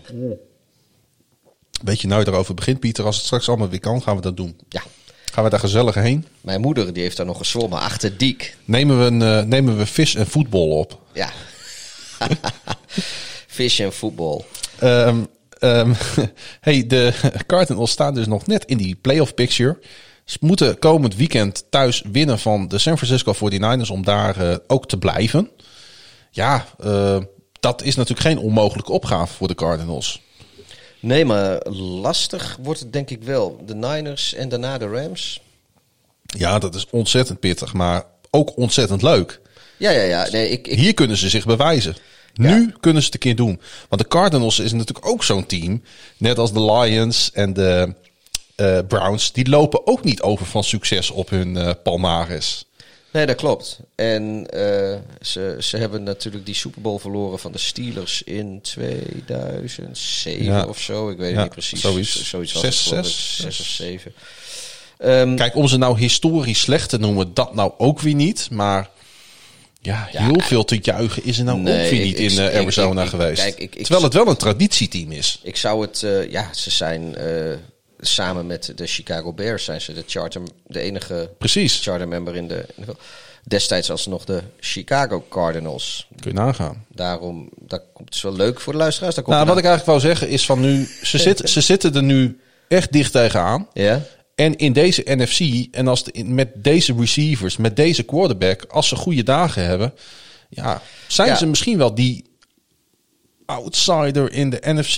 ja, ja, dat mis- nou ja, eh, hmm, dat, nee, ik denk dat ze daar tekort voor komen. Ik denk dat, eh, Ik heb, nou ja, ik ga het gewoon. Ik heb wel ontzettend veel zin. Ik, ik hoop ergens dat ze de play-offs halen. Niet omdat ik het andere teams niet gun. ik, ik, ja, als ik, ik gun het Larry, ik wil Want Larry Fitz wil ik ook- nog in de, in de playoffs zien weer. Iedere wedstrijd die ze spelen is bijna leuk. Tof om te kijken. En nou, daar, eh, daarom gun ik het ze. Oké. Het is heel simpel, slaat nergens op, zit geen enkele diepte in. maar goed. Hey, de Eagles die gaan eh, naar de Cowboys voor een wedstrijd die in theorie nog implicaties voor de, play-offs Cowboys, heeft. De, Cow- de Cowboys kunnen de divisie nog winnen. ja. Ehm, Maar ik denk niet dat Washington van de Panthers gaat verliezen. Dus ik denk dat dit ook een wedstrijd om des keizers baard uiteindelijk blijkt te zijn. ja, maar ja, goed, zolang het, eh, zolang het mathematisch nog mogelijk is, eh, kan. Maar ik, ik heb verwacht eigenlijk ook niet meer dat, eh, dat de Cowboys dat doen. Maar je weet het niet. Nee, er stond natuurlijk nog een, eh, een eh, on the outside van de playoff picture. Een geweldige pot op het programma. Want de Chicago Bears en de Minnesota Vikings... die konden in potentie uitvechten wie de zevende seed zou pakken in de NFC. Of- Waren het niet dat de Cardinals wil, wonnen. Ja, en, maar in ieder geval hebben ze nu wel onderling uitgemaakt wie de, wie de achtste seed is. En wie dus de laatste twee weken nog mag strijden om play-off. Want ja, voor, voor de Vikings is het nu wel gebeurd. Nou, en eh, dat werd dus Chicago. Pieter, jij hebt natuurlijk gekeken naar deze wedstrijd. Ja. Wat voor pot was dit? Want de sp- spanning lag er dik op, hè? Ja, maar en het was ook gewoon echt een leuke wedstrijd. Eh, er werd nou ja, redelijk veel gescoord. 33-27. Het was ook close. Eh, ik denk, ja, in al mijn objectiviteit. Ik denk echt dat Chicago terecht gewonnen heeft. Want ze, ik vond ze iets sterker. Ehm, en nou ja, ze hebben ook de, als eerste gescoord en eigenlijk nooit meer de, de voorsprong uit handen gegeven. Dus, dus dat, dat, dat speelt dan wel een beetje mee in dat beeld. Dat het lijkt alsof zij die wedstrijd eh, domineren. Hoewel het een aantal keer toch behoorlijk close werd. Dembele was, eh, was weer de kikker namens de Vikings. Ja, die naam is al een paar keer vaker gevallen in en van woensdag. Ik heb eh, vorige uitzending heb ik heel dapper voorspeld dat eh naar aanleiding van de toespelingen van Mike Zimmer dat hij, eh, dat hij niet meer de, dat hij tegen Chicago niet de kikker zou zijn. Dat was volgens mij ook mijn quote. Dembele kikt niet tegen Chicago. Dat deed hij dus wel, maar dat, het is allemaal met COVID-protocol is heel lastig om van de straat zomaar een nieuwe speler bij selectie te krijgen. Aan de andere kant, eh, kijk, als ze het wel hadden geprobeerd, dan hadden ze voor volgende wedstrijd een ander gehad. Ehm, maar goed, Dembele had volgens mij twee field goals die hij moest schieten en die schoot hij allebei raak. Dus, eh, Ja. dus dat was prima. Eh, wat ook prima was, was Mitchell Trubisky. Uitstekende pot. eh, wel, ja, weet je, gewoon... De, de, de hele playcalling, alles, de hele aanvallende identiteit van Chicago is de afgelopen wedstrijden langzaamaan veranderd. ik Nou, vind dat wel knap. Als En- je ziet waar Chicago aanvallend vandaan komt. Ja, aan de ene kant vind ik het knap. Aan de andere kant zit, zit ik en eigenlijk eh, eh, denk ik de rest van de, van de Bears-fans ook wel van... "Oh, Godverdomme, had dit gewoon wat eerder gedaan. Want dit zijn, heel veel dingen die nu gebeuren zijn dingen die wij al tijden roepen van... joh, loop wat meer met die bal. En, eh, eh, en dat kon met Vols kon dat ook niet. Maar ja, dat is zeker in hindsight. Ik, kijk, op het moment dat Trubisky eruit gehaald werd voor Vols in Atlanta... snapte ik wel waarom dat was. Maar nu eh Trubisky weer teruggezet is en in één keer de playcalling is veranderd, denk ik dat was absoluut de slechtste beslissing die je kon nemen. Je had de, je, je gameplan en je playcalling moeten aanpassen. Ja, maar dat, dat gaat in de NFL nooit over één nacht ijs. Nee, dat, dat is niet zo makkelijk. Nee, maar je ziet nu gewoon dat als... eh, eh, kijk, die O-line van Chicago is niet denderend. Maar met Trubisky werkt het beter dan met Vols. Vervolgens eh, eh, ga je met, met Trubisky ga je, doe je veel rollouts en, en veel handoffs en veel play-action. En heeft hij nog maar een half veld. Dan heeft hij... Want Trubisky heeft natuurlijk problemen met zijn reads. Heeft hij dan niet meer, want heeft hij maar een half veld. Dan, dan is hij gewoon echt gewoon een, een, een ja, be- behoorlijke quarterback. Misschien haast wel goed. Als je kijkt naar zijn statistieken, de laatste wedstrijden gewoon goed. Maar goed, de sample size is niet zo groot. De defenses waren niet per se denderend. Dus hou nog een beetje op de vlakte. En er is natuurlijk één man die profiteert van deze speelwijze. Ja, die, die, eh, die gewoon heel eh, essentieel onderdeel is van die speelwijze. En dat is eh, voormalig Iowa State Cyclone David Montgomery. Running back David Montgomery. Die, Ja. Waar zat hij op? Zat hij op 150 yards? Net niet. 146 yards, 32 carries, twee touchdowns. En ja, nou, dat is beter had hij nog niet gedaan voor de Bears. Maar het is natuurlijk eh, nog maar zijn tweede seizoen. En eh, de afgelopen periode hebben de Bears uh, notoor weinig over de grond gespeeld. Maar ja, het blijkt in één keer dat die aanval helemaal zo slecht niet is. Als je in één keer gaat schiemen naar de kracht van je spelers. Er valt mij nog iemand op in de Bears offense. En dat is die rookie wide receiver van jullie, die Darnell Mooney. Ja, die, uh, die, die, hebben ze vrij laat in de draft opgepikt. Ja. Ik, vijfde ronde of zo, geloof ik. Maar dat is wel weer een, een, een prima, uh, prima uh, pick geweest. Want het is echt een, een goed. Hij heeft volgens mij ook. Uh, ik weet niet precies hoeveel recepties hij heeft voor het hele seizoen. Maar hij heeft in ieder geval de Bears rookie record gebroken. Nou, hij vangt in ieder geval touchdowns. Ja, en hij, nou ja, goed, hij zijn route running is gewoon al goed alsof hij al jaren doet. Ja, en hij is ontzettend snel. Ja, snel. Hij is, hoe moet je dat zeggen? Hij, hij is atletisch en snel. Waardoor hij heel vindingrijk ook wordt in zijn routes en in zijn als je, als. Je hem, als je hem ziet spelen, zou je nooit zeggen dat een rookie was. Nee. Ik wil nog niet zeggen dat hij zo ver is als Justin Jefferson aan de andere kant. Want dat is ook even een rookie wide receiver waar je u tegen zegt. Mm -hmm. Maar goed, dat is een... Uh, ja, dat is nog een stapje, stapje hoger en, en, en een ander niveautje nog dan, uh, dan Darnell Mooney. Die uh, is gewoon het vertrek van Dix compleet vergeten. Dat is... De, volgens mij is dat de draft pick ook geweest die, die de Vikings van de Bills hebben gekregen voor Dix. Mm -hmm. Daar hebben ze uh, Justin Jefferson mee uh, gedraft. Dus dat is ook gewoon prima geweest. Want, want niemand in Minnesota denkt volgens mij nog aan Stefan Dix. Nee, en bovendien weten ze... Wist, snapte iedereen waar de Vikings natuurlijk mee bezig waren. Ja. Die zijn nu al bezig met volgend jaar. Ja, maar je hebt nu dus gewoon een, een, een receiver die nou, vergelijkbaar is qua kwaliteiten met Dix. Ja.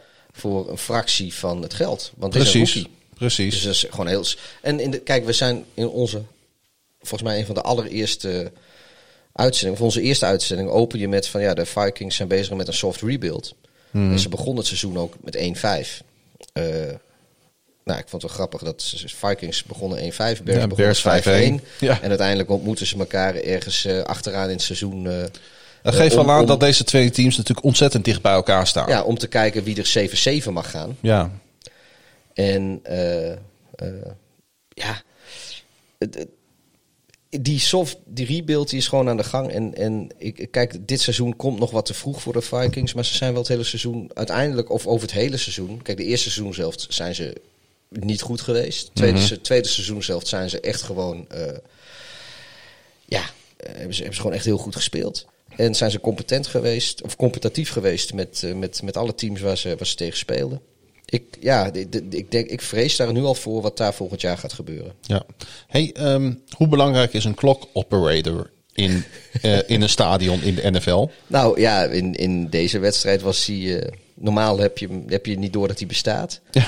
Maar de clock operator in Minnesota die uh, was niet echt wakker.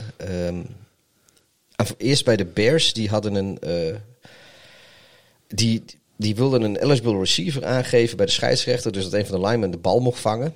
En uh, als je op het moment dat je als. als ja, de, de, klok die hield daar geen rekening mee. Je, want de, de, scheidsrechter die gaat dan uh, omroepen dat een speler eligible is. Mhm. En als op het moment dat dat gebeurt, dan staat de klok even stil. Als de scheidsrechter wat vertelt, staat, loopt de klok niet door. Mhm. En ja, dat, de, de klokoperator in het stadion liet de klok gewoon doorlopen, waardoor eh, de, de Bears eh, een delay of game penalty moesten pakken. Want in één keer kwamen zij niet meer uit met wat ze wilden doen. Ja, en dat gebeurde later bij de Vikings ook nog wat, hè? Ja, die hadden precies hetzelfde. Die wilden ook een eligible receiver aangeven. En wederom eh, liet de klokoperator de boel doorlopen. Maar eh, bij de Vikings eh, hadden ze een andere oplossing. De, de Bears pakten dus de delay of game, de 5 yard penalty. De Vikings namen een time-out, hè? de, de Vikings namen een time-out. om, Ik, ik kan maar één ding concluderen. Het was de backup clock operator. Waarschijnlijk wel. Of, of, of ja, Dan Bailey zat, aan de, zat aan de klok en die miste nu daar. Dat kan ook. Maar het is wel duur, want aan het eind van de wedstrijd, zo'n. Kijk, die, die vijf yard years hebben de Bears wel overwonnen, maar zo'n time-out kan. kan Ja, echt- zeker. Zeker in deze pot. ja en, en het bizarre is ook gewoon dat, dat ja, op gelukkig hebben beide teams er nu last van gehad. Maar stel je nou eens voor als, als het maar alleen bij de Bears was gebeurd en die hadden daarop een probleem gehad. Want het is natuurlijk iemand uit Minnesota die die klok op. Of andersom, als de Vikings op het gebrek aan die time-out de wedstrijd verliezen. Gelukkig niet gebeurd. Dus de Bears die mogen naar Jacksonville om eh, hopelijk ervoor te zorgen dat, eh, dat de Jaguars in de race blijven voor die eerste, of de, de eerste ronde pick houden. En de Vikings gaan naar New Orleans om hun eh, hyper, hyper, hyper theoretische playoff kansen, zijn kleiner dan 1% in leven te houden. De Vikings kunnen nog halen met 8-8, maar dan moeten de Bears ook 8-8 gaan en de Cardinals ook 8-8. En dan hebben de Vikings de tiebreaker. Oké. Dat zie ik niet gebeuren. Ik ook niet. Het laatste team wat, eh, wat we waarschijnlijk gaan terugzien in de NFC playoffs, dat zijn de Tampa Bay Buccaneers. Eh, die wonnen bij de Atlanta Falcons met 31-27. Ja, en het zullen de Falcons niet zijn als ze weer gigantisch op hun bek gaan. Eerst Het is gigantisch voorstaan.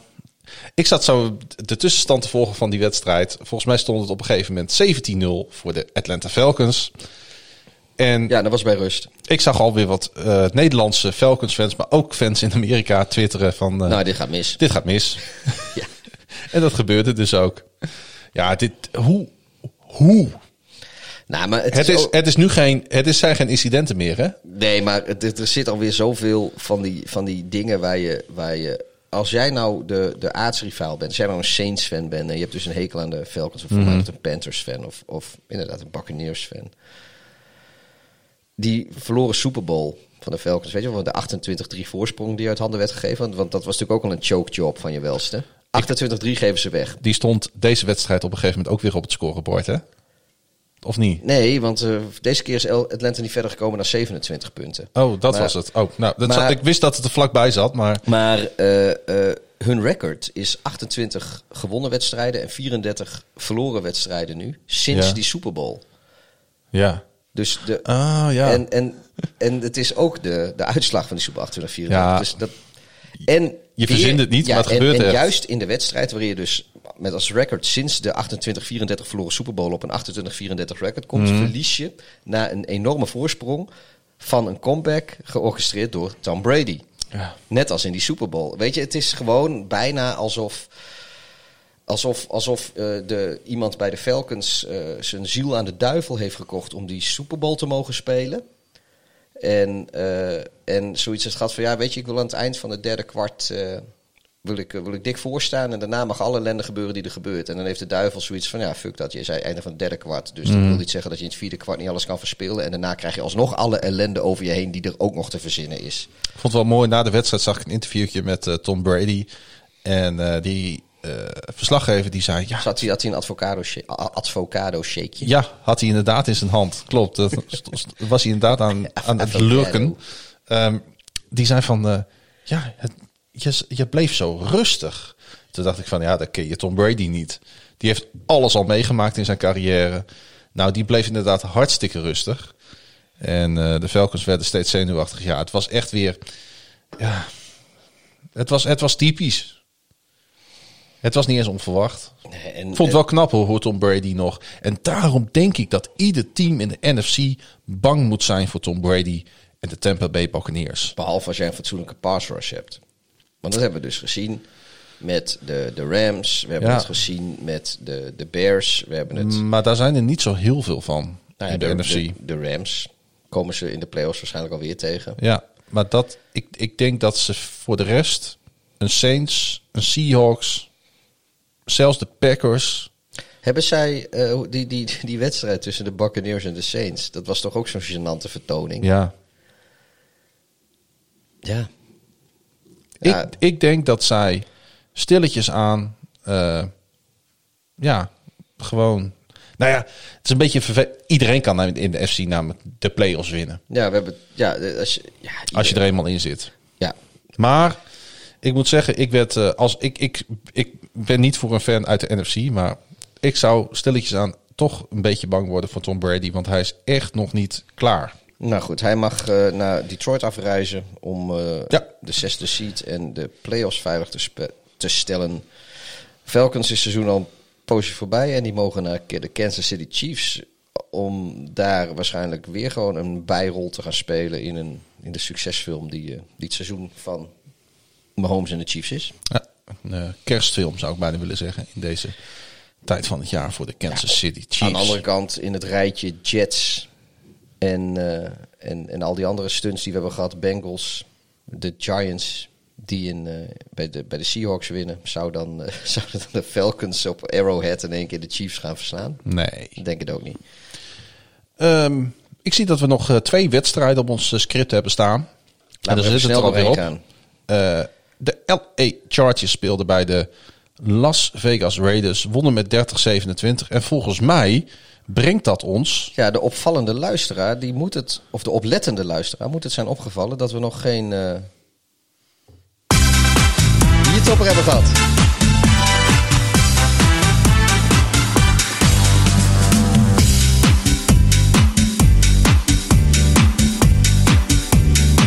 Ja, ehm, Justin Herbert. Voordat is we wegzakken. De grote man.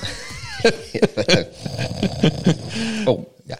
Ehm, Justin Herbert is de grote man. Hij moest het een keer worden. Ja, en Ja. eh, eh, ik vond dit een mooi moment. En jij ook. Eh, heeft het rookie passing record geëvenaard.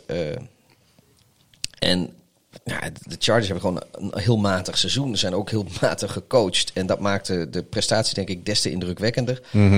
Wat had hij nu? Ze- zeven wedstrijden met 300 plus Zeven wedstrijden, 300 plus. Ja, yards voor een rookie. Ehm, nou, dan waren er ook nog waren onze vrienden van de Los Angeles Chargers al tien wedstrijden lang zonder overwinning in de eigen divisie. Maar Ja, elf dat, keer, eh, iedereen kent het gezegde, elf keer is scheepsrecht. Ja. Eh, dat heeft eh, Herbert ook maar even voor elkaar gebakken. En er zat die, de QB sneak in van hem. Dat hij, eh, hij springt over die, over die hoop spelers heen. Ja. En hij wordt teruggedrukt. En hij gaat gewoon voor een tweede poging. Met, hij eh, krabbelt met een la- over een ja. knie en een enkel krabbelt hij nog Ja, die bal zo- over, die, eh, over die goal line. Zo hè? gaan we gewoon wel even doen. En eh, dat was, een, was ook weer een score. Nee, ehm, Het was trouwens, mag ik dat ook even zeggen?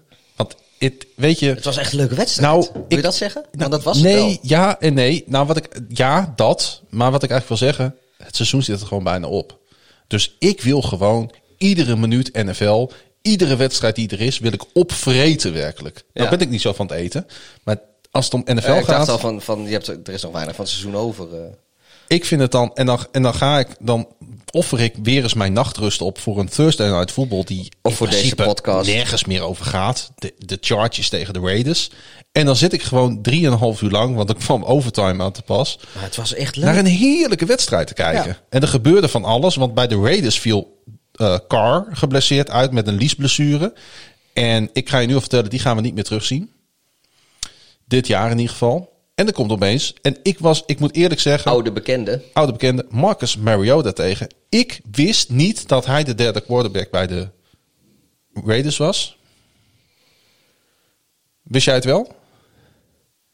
Eh, ik, ja, maar... Ik geef het gewoon eerlijk toe. Nee, maar ik heb dat eh, gelezen omdat ik eh, mij was aan het verdiepen in Tua. En dat ging over eh, dus quarterbacks en dingen van Hawaii. En toen Ja, kwam dat daar komt hij vandaan, die is geboren. Mhm. Ja, dat was een aantal, weet ik veel, zo'n een, een, ergens eerder al in het seizoen. Maar goed, ik heb me er verder toen niet druk over gemaakt. Want Nee. eh, Maar ik vond het heerlijk dat ik, want ik denk, ja, er komt tenminste echt een goede quarterback weer op het veld. En hij speelde goed, hè, Mariota. Hij Ja. liet zich gelijk zien. Gelijk in die drive dat hij erin kwam, was het ook bam, bam, bam. Paar keer rennen, want hij, heeft natuurlijk, eh, hij kan natuurlijk ook zijn benen laten spreken. Ja. Een paar goede passes.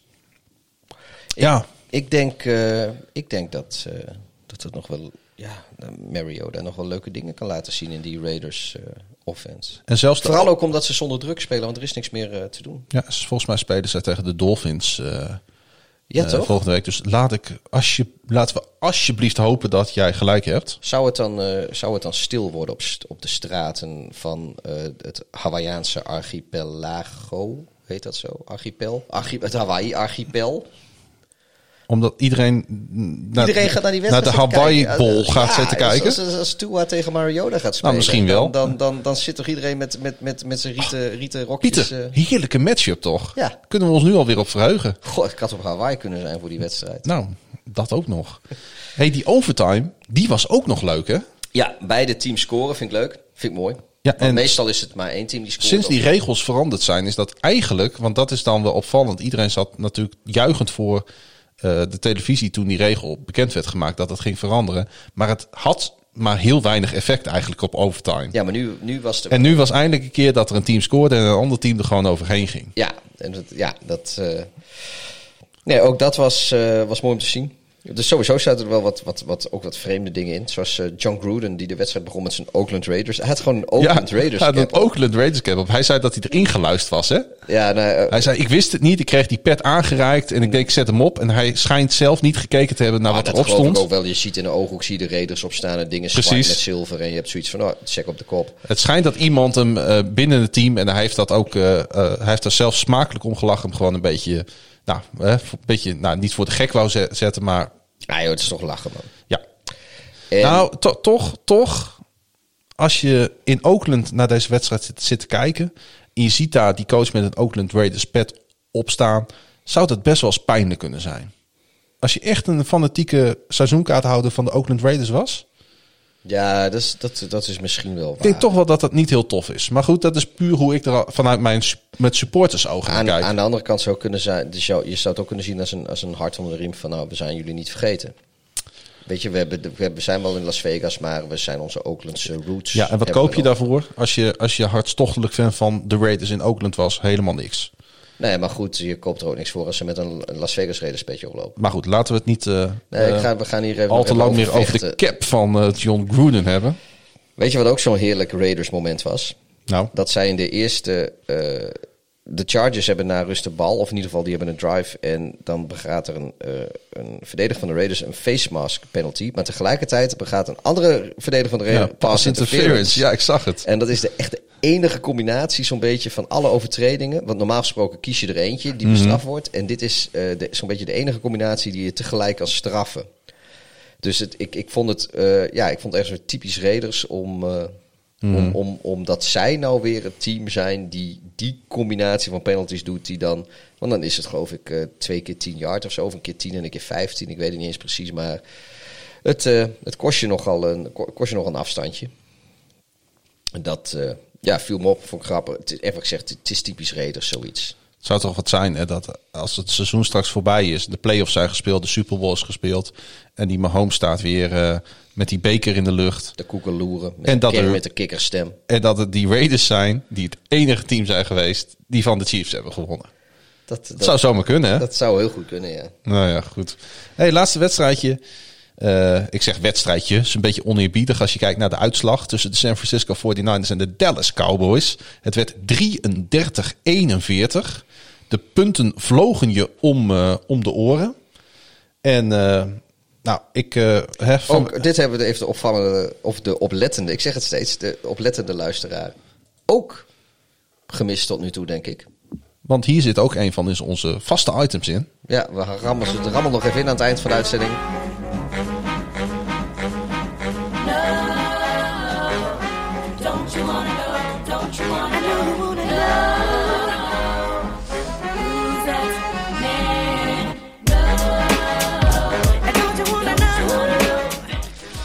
De Who's That Man. De Who's That Man? van eh, deze week. Want er was namelijk longsnapper nieuws. Jawel, dat, eh, de longsnapper van de Cowboys, LP La Douceur. La douceur. La Douceur. Ik, eh, ik spreek het heel erg Frans uit, eh, probeer ik tenminste, omdat hij Canadees is. Dus ik ga ervan uit dat het La Douceur is. Ah, oui, oui. Maar goed, die speelde zijn 251ste wedstrijd voor de Cowboys. 251ste? 251ste. Wow. En dat was ook tevens zijn 251ste NFL-wedstrijd. En daarmee is hij de Canadees met de meeste NFL-wedstrijden op zijn naam. En eh, dat was ook reden genoeg voor de premier van Canada, eh, Justin Trudeau, Trudeau. Trudeau om, eh, om een persoonlijk bericht achter te laten voor LP La Douceur. Nou ja, en dit is allemaal voor ons dan weer reden, met onze voorliefde voor longsnappers en eh, rare, quirky verhaaltjes, om eh, deze longsnapper iets beter te leren kennen. Dus ik zal jou eh, vertellen hoe hij in de NFL terechtgekomen is. Dat was in 2005. Hij werd niet gedraft, maar direct na de draft tekende hij voor de New Orleans Saints. Die op, dat was dat seizoen, of de, die periode na Katrina.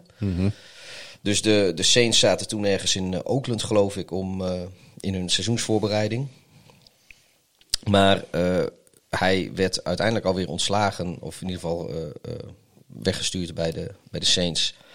Voordat het seizoen begon, maar redelijk vroeg in het, in het daadwerkelijke seizoen, ik geloof na week drie of week vier, kwam hij aan de bak voor de Cowboys. En eigenlijk is hij sindsdien nooit meer weg geweest. In 2014 heeft hij de Pro Bowl gehaald. Eh, dat was zijn eerste en enige keer.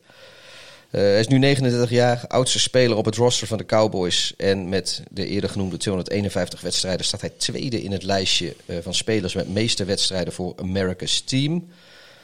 Achter Jason Witten, De tight end. de tight end. En eh, nu weer de tight end.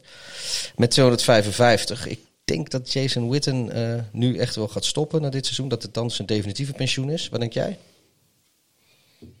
Want hij is alweer... eh hij deed weer mee, toch? Ja, Maar ik- is dat zo? Ja. Hij heeft het bij de tv geprobeerd, maar volgens mij is Ja. hij teruggekomen. Eh, hij staat officieel volgens mij bij de Las Vegas Raiders onder contract. Of zit hij daar nog? eh? Maar dat moet ik even opzoeken. Ja, maar die, die stopt sowieso. Maar goed, die heeft... eh, die zal... Eh bij de Las Vegas Ja, Raiders. maar Witten eh, gaat, neem ik aan, niet meer terugkomen bij de Cowboys. Nee, zeker niet. Dus Nee. dat houdt in dat eh Witten op 255 blijft staan en dat onze grote vriend La Douceur eh, hem zou moeten kunnen passeren als hij komend seizoen eh, gewoon, nou, in ieder geval vijf wedstrijden speelt. Ik vind het wel super tof dat ook longsnappers gewoon voor de Pro Bowl eh, worden uitgenodigd. Ja, die heb je natuurlijk nodig, want je speelt Ja. een Pro Bowl. Ja, en, maar het is ook nog een kunst, want eh, als longsnapper is het, eh, is het belangrijk dat je snaps eh, zo kort mogelijk duren. Bijvoorbeeld bij een field goal mag de snap, en dat nooit langer duurt dan een derde van een seconde, omdat het hele proces, de snap, de hold en de kick, niet langer dan 1,2, 1,3 seconden mag duren. Daar trainen ze natuurlijk ook heel veel op. Want als het langer duurt, dan is de kans veel te groot dat de kick geblokt wordt. Voor een punt is het eh 0,75 seconden, zeg maar drie kwart seconde dat het mag duren. Want dat hele proces eh, mag ongeveer twee seconden duren. Daar is de afstand tussen, dus, tussen de bal en, de, en degene die de bal weg moet trappen natuurlijk ook een stuk groter, is 15 yard. Maar dat maakt het eh, vak van longsnapper vrij ingewikkeld. En er wordt dus veel op getraind. La Douceur is bedreven hierin, hoort al vele jaren, behoort al vele jaren tot een van de betere longsnappers in de league. En nou ja, zijn, zijn 251ste wedstrijd was voor ons reden om hem even in het zonnetje te zetten. Ja, en het was natuurlijk een eh, treurige wedstrijd voor de 49ers, die vorig jaar nog in de Super Bowl stonden. Hebben we En trouwens nu- geen, geen outro-muziekje deze keer voor de, voor de That Man? Ja, we zitten een beetje, eh, we zitten nog ruim in onze tijd, zie ik. Ja, joh. Dus dat was onze Who's That Man. En dan gaan we nu vertellen hoe de rest van de wedstrijd liep. Don't you wanna know? Don't you wanna know? You wanna Who's that man?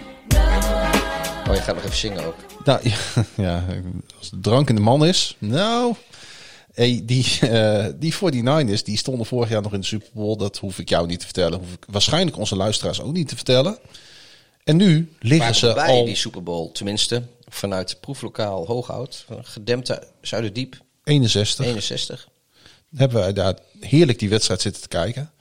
Nee, maar weet je, vorig jaar nog in de Super Bowl en nu gewoon twee wedstrijden voor het eind al uitgeschakeld voor playoffs. Dat is wel treurig. Ja, maar speelden ze het seizoen daarvoor ook in de playoffs? Voor een Super Bowl? Volgens mij niet. Ga je me dat nu nog vragen om kwart voor Nou zes ja, ochtends goed, maakt op een uit. Weet je, eh, koude ja, decemberochtend? Het is, eh, het is, eh, ja, het is niet zo'n. Ik denk niet dat dit het seizoen is wat ze in San Francisco gedacht hadden dat ze zouden hebben. Dat was, ze speelden volgens, trouwens volgens mij inderdaad toen geen playoffs, maar dat tezijde. Ehm het was, ik, ik vond het wel terug voor hun. En de Cowboys, ehm, ja, hebben ze nog kans op playoffs? Super theoretisch, maar het bestaat. Ze hebben een grotere kans volgens mij nog dan de, onze vrienden uit Minnesota bijvoorbeeld. Ja, oké. dat is Maar waar. eh, ik geloof dat ze. Ja, de. Giants moeten ze ook. Ik weet het niet precies. Nou ja, Maar dus het is, eh, het is lastig. het is inderdaad heel lastig. Ze hebben in elk geval niet in eigen hand. Nee. hey, eh, ik stel voor dat we lekker gaan voorspellen. Ja, we, ja sorry voor, eh, voor alle mensen die, die over deze wedstrijd nog heel veel andere statistieken hadden willen hebben. Ik denk dat dit de wedstrijd was met de minste playoff implicaties uiteindelijk. En nou ja, goed. Misschien dat... eh, we hebben het eh, uitgebreid gehad over deze twee teams in eh, andere afleveringen. En ik bied mijn excuses niet aan. Oké, nou ja, dan ga ik gewoon even vragen welke wedstrijd je wil. Dan gaan we dat ook gewoon doen, want En beginnen we gewoon met, met Minnesota en New Orleans. Gewoon gaan we gewoon keihard door. gaan we niet nog even terugkijken op vorige week? Wil je weten hoeveel je goed had? Ja? Negen stuks. En jij? 13. Ik had, eh, wat ik Ik zei... ben er even stil van. Ik had de Jets niet voorspeld en ik had de eh, eh, Bengals niet voorspeld. En dat neem ik mezelf ook niet zo kwalijk. Maar ik had Denver wel gewoon quirky voorspeld. Dat, dat was het eigenlijk. En jij had gewoon geen vertrouwen in Chicago. En dat breekt je natuurlijk een beetje op. Ja. Hey, voordat jij verder gaat, misschien leuk voor de mensen, zodat ze dat even in de agenda's kunnen zetten. Er is gewoon American voetbal met kerst. Want er is een ehm, wedstrijd. Moet ik even goed kijken. Is er een vrijdag en een Er zijn zaterdag? volgens mij twee zaterdagwedstrijden hoor. Tenminste, dat Er is... zijn er twee op zaterdag en er is er één op vrijdag. Oh jee. Want die wedstrijd die jij net noemde, de Vikings at the Saints, die is op vrijdag eh, Hoe laat? half elf Nederlandse tijd. Lekker tijdstip. Dan zijn er weer twee op zaterdag. Eentje om, moet ik dat goed zeggen? Ja, zeven uur natuurlijk. Gewoon de ouderwetse tijd. Oh ja, de- ja. En, eentje om elf. half elf. En dan is er ook nog weer één, s'nachts om kwart over twee. Dus we hebben een Saturday Night Football. Een Saturday Night Football. Een triple header noem je dat volgens mij. Nee, maar ik noem het Saturday Night Football. Ja, op, eh, Primetime. Ja, mooi. op tweede kerstdag. Dus we kunnen lekker met kerst als je hè, klaar bent met de familie of met het eten op een gegeven Nou, moment, ik kun je lekker de televisie Ik aanzetten. ben nu al klaar met de familie. Moet nog beginnen naar kerst.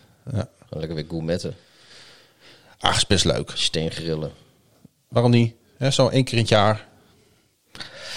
Goed. ehm, Goed, de Friday Night Football, Friday Night Lights, inderdaad, zoals je al zei. De Vikings tegen de Saints. ik, heb, eh, dus, ik heb die van mij al ingevuld. Dat was een foutje. Ja, dat is ook zo. ik, eh, ik, ik, geef hem, eh, ik geef hem aan de, aan de Vikings. Ik heb hem aan New Orleans gegeven. Oké. Eh, zal ik vragen wat jij wil allemaal? Ja, doe maar. Carolina at Washington. Washington. Die heb ik daar ook staan. Dan hebben we Indianapolis at Pittsburgh. Mag jij het eerst zeggen? Pittsburgh. Pittsburgh. Jij zegt hem ook? Ja. Eh, Atlanta at Kansas City. Daar heb ik Kansas City. Ja, daar ga ik in mee. Kansas City, City of Justice. Goed, eh, Chicago at Jacksonville. Die geef ik aan Chicago. Die heb ik ook aan mijn grote vrienden de Bears gegeven. Cincinnati at Houston heb ik aan Houston gegeven. Cincinnati. Oeh, wat doe ik nou? Bijna ga ik mijn hele dinges vernachelen. Gaat helemaal mis, jongens. Sorry. Ja. Eh, dan hebben we de Giants at Baltimore. Die heb ik aan onze paarse vrienden gegeven uit Charm City. Ik knik voor de luisteraars die dit niet konden horen. Dan hebben we de Rams at de Seahawks. Eh, De Rams at the Seahawks. Oei, oei, oei. Die geef ik aan de Rams. heb ik ook gedaan. Eh, Philadelphia at Dallas. Dallas. Oh, dat is ook weer hetzelfde als wat ik heb. Tennessee at Green Bay. Green Bay. Ik heb hem aan Tennessee gegeven, maar ik hoop dus met een vieze smaak in mijn mond. Eh, Buffalo at New England. Buffalo. Dan hebben we Cleveland at de New York Jets. Jets. Oh. Mm, Oeh. Is daar de hoop of de wens de vader van de gedachte? Ja hoor, ik ken me uitschil. Eh, Miami at Las Vegas, dus de Hawaii Bowl. Las Vegas. Ik heb hem aan Miami gegeven. Denver at de LA Chargers. LA. Ik heb hem aan Denver gegeven daar. Ik weet niet waarom, maar dat heb ik wel gedaan. Ehm, Tampa Bay at Detroit. Detroit, what? Zei Eminem ooit een keer, volgens mij. Ja, ik... eh, pff, ja. Ah, weet je waarom niet? Detroit. Ik heb hem aan Tom Brady en de Bucks Ja, gegeven. lijkt me ook een goed idee. Eh, San Francisco at Arizona, om als af ik, nog, als ik nog op van jou wil winnen, dan moet ik gekke dingen gaan roepen nu. Wat zei je? San Francisco at Arizona. Ehm, Ik heb daar, was voor, in mijn geval natuurlijk de wens de vader van de gedachte. Dus je, jij bent voor San Francisco gegaan. Natuurlijk. Ik ga voor Arizona. Je weet toch. Ari. Nou goed, hebben we dat ook weer gedaan. Is vastgelegd voor het nagelslacht. Ja, hebben we alle wedstrijden gehad? We hebben alles gehad. We hebben voorspeld. We hebben een Who's That Man. We hebben een eh, biertopper gehad. We hebben bier gedronken. Eh, we hebben heel veel gepraat. Niemand is nog wakker, zelfs wij niet. Dus Nee. eh, Oh, sorry. Wij gaan naar bed en je hoort dat dat Ja. een heel goed idee is. Nu, ging, eh, nu ging het eindbiertje mis. Dus ik denk dat we overnieuw moeten beginnen. Deze, eh, dit, dit, we knippen het gewoon niet meer uit. We beginnen gewoon overnieuw. Ik zie dat de klok bijna op 6 uur staat. Ik denk dat het een goed idee is dat wij allebei ons bed gaan opzoeken. Eh, Pieter, ik wil jou bedanken voor je komst naar, de, naar het hoofdkantoor van KVM Media. Ja, ik, ik hoop dat het niet vindt dat ik ondertussen ook jouw bed opzoek. En waar jij gaat slapen, dat regel je straks zelf. Maar hier ligt wel een bank. Ja, dat kan inderdaad ook. Maar het is altijd lekkerder in je eigen bed. Nee, maar daar lig ik al. Oh. Ehm, ik wil jullie ook bedanken voor het luisteren naar eh NFL op woensdag. Deze nu al legendarische Ik podcast. snap niet dat we nog luisteraars hebben. Wil je ons volgen op de Twitters, dan kan dat eh, via @klaasjegun, dubbel A, dubbel S, dubbel N. En via Eh Ed Darth laagstreepje hideous. NFL op woensdag kun je volgen op, ehm, op eh, Twitter, Facebook en Instagram. En je kan eh, deze podcast beluisteren op Spotify, Apple Podcasts en Soundcloud. En abonneer je, dan krijg je gewoon iedere week eh, Ja. eh, deze nu al legendarische podcast gewoon op- in je portfoliootje. Ja, als je op je Android-telefoon luistert, wil ik toch echt pocketcasts aanbevelen. Ja, Vind ik zelf heel prettig. helemaal mee eens. En wil je nou andere podcasts van KVM Media volgen? Zwart-witte podcast voor Heracles Almelo. Conforminder podcast voor FC Groningen. Dorusa, Ra- Dorusa Radio voor eh Donar Basketbal Groningen. Grote Markt 1 voor Groningen Stadspolitiek. En Leesvoer. Leesvoer de Leesvoer podcast. voor boekjes en, en literatuur en andere dingen met veel letters en pagina's. tweede aflevering van Leesvoer is net online gekomen. Echt super leuke podcast. Van eh, Robert Visser, onze grote vriend uit Rotterdam, je weet toch. En eh, ja, wij houden ermee op. Dit was seizoen 1, aflevering 15 alweer. Van NFL op woensdag. Bedankt voor het loesten. Beste weer.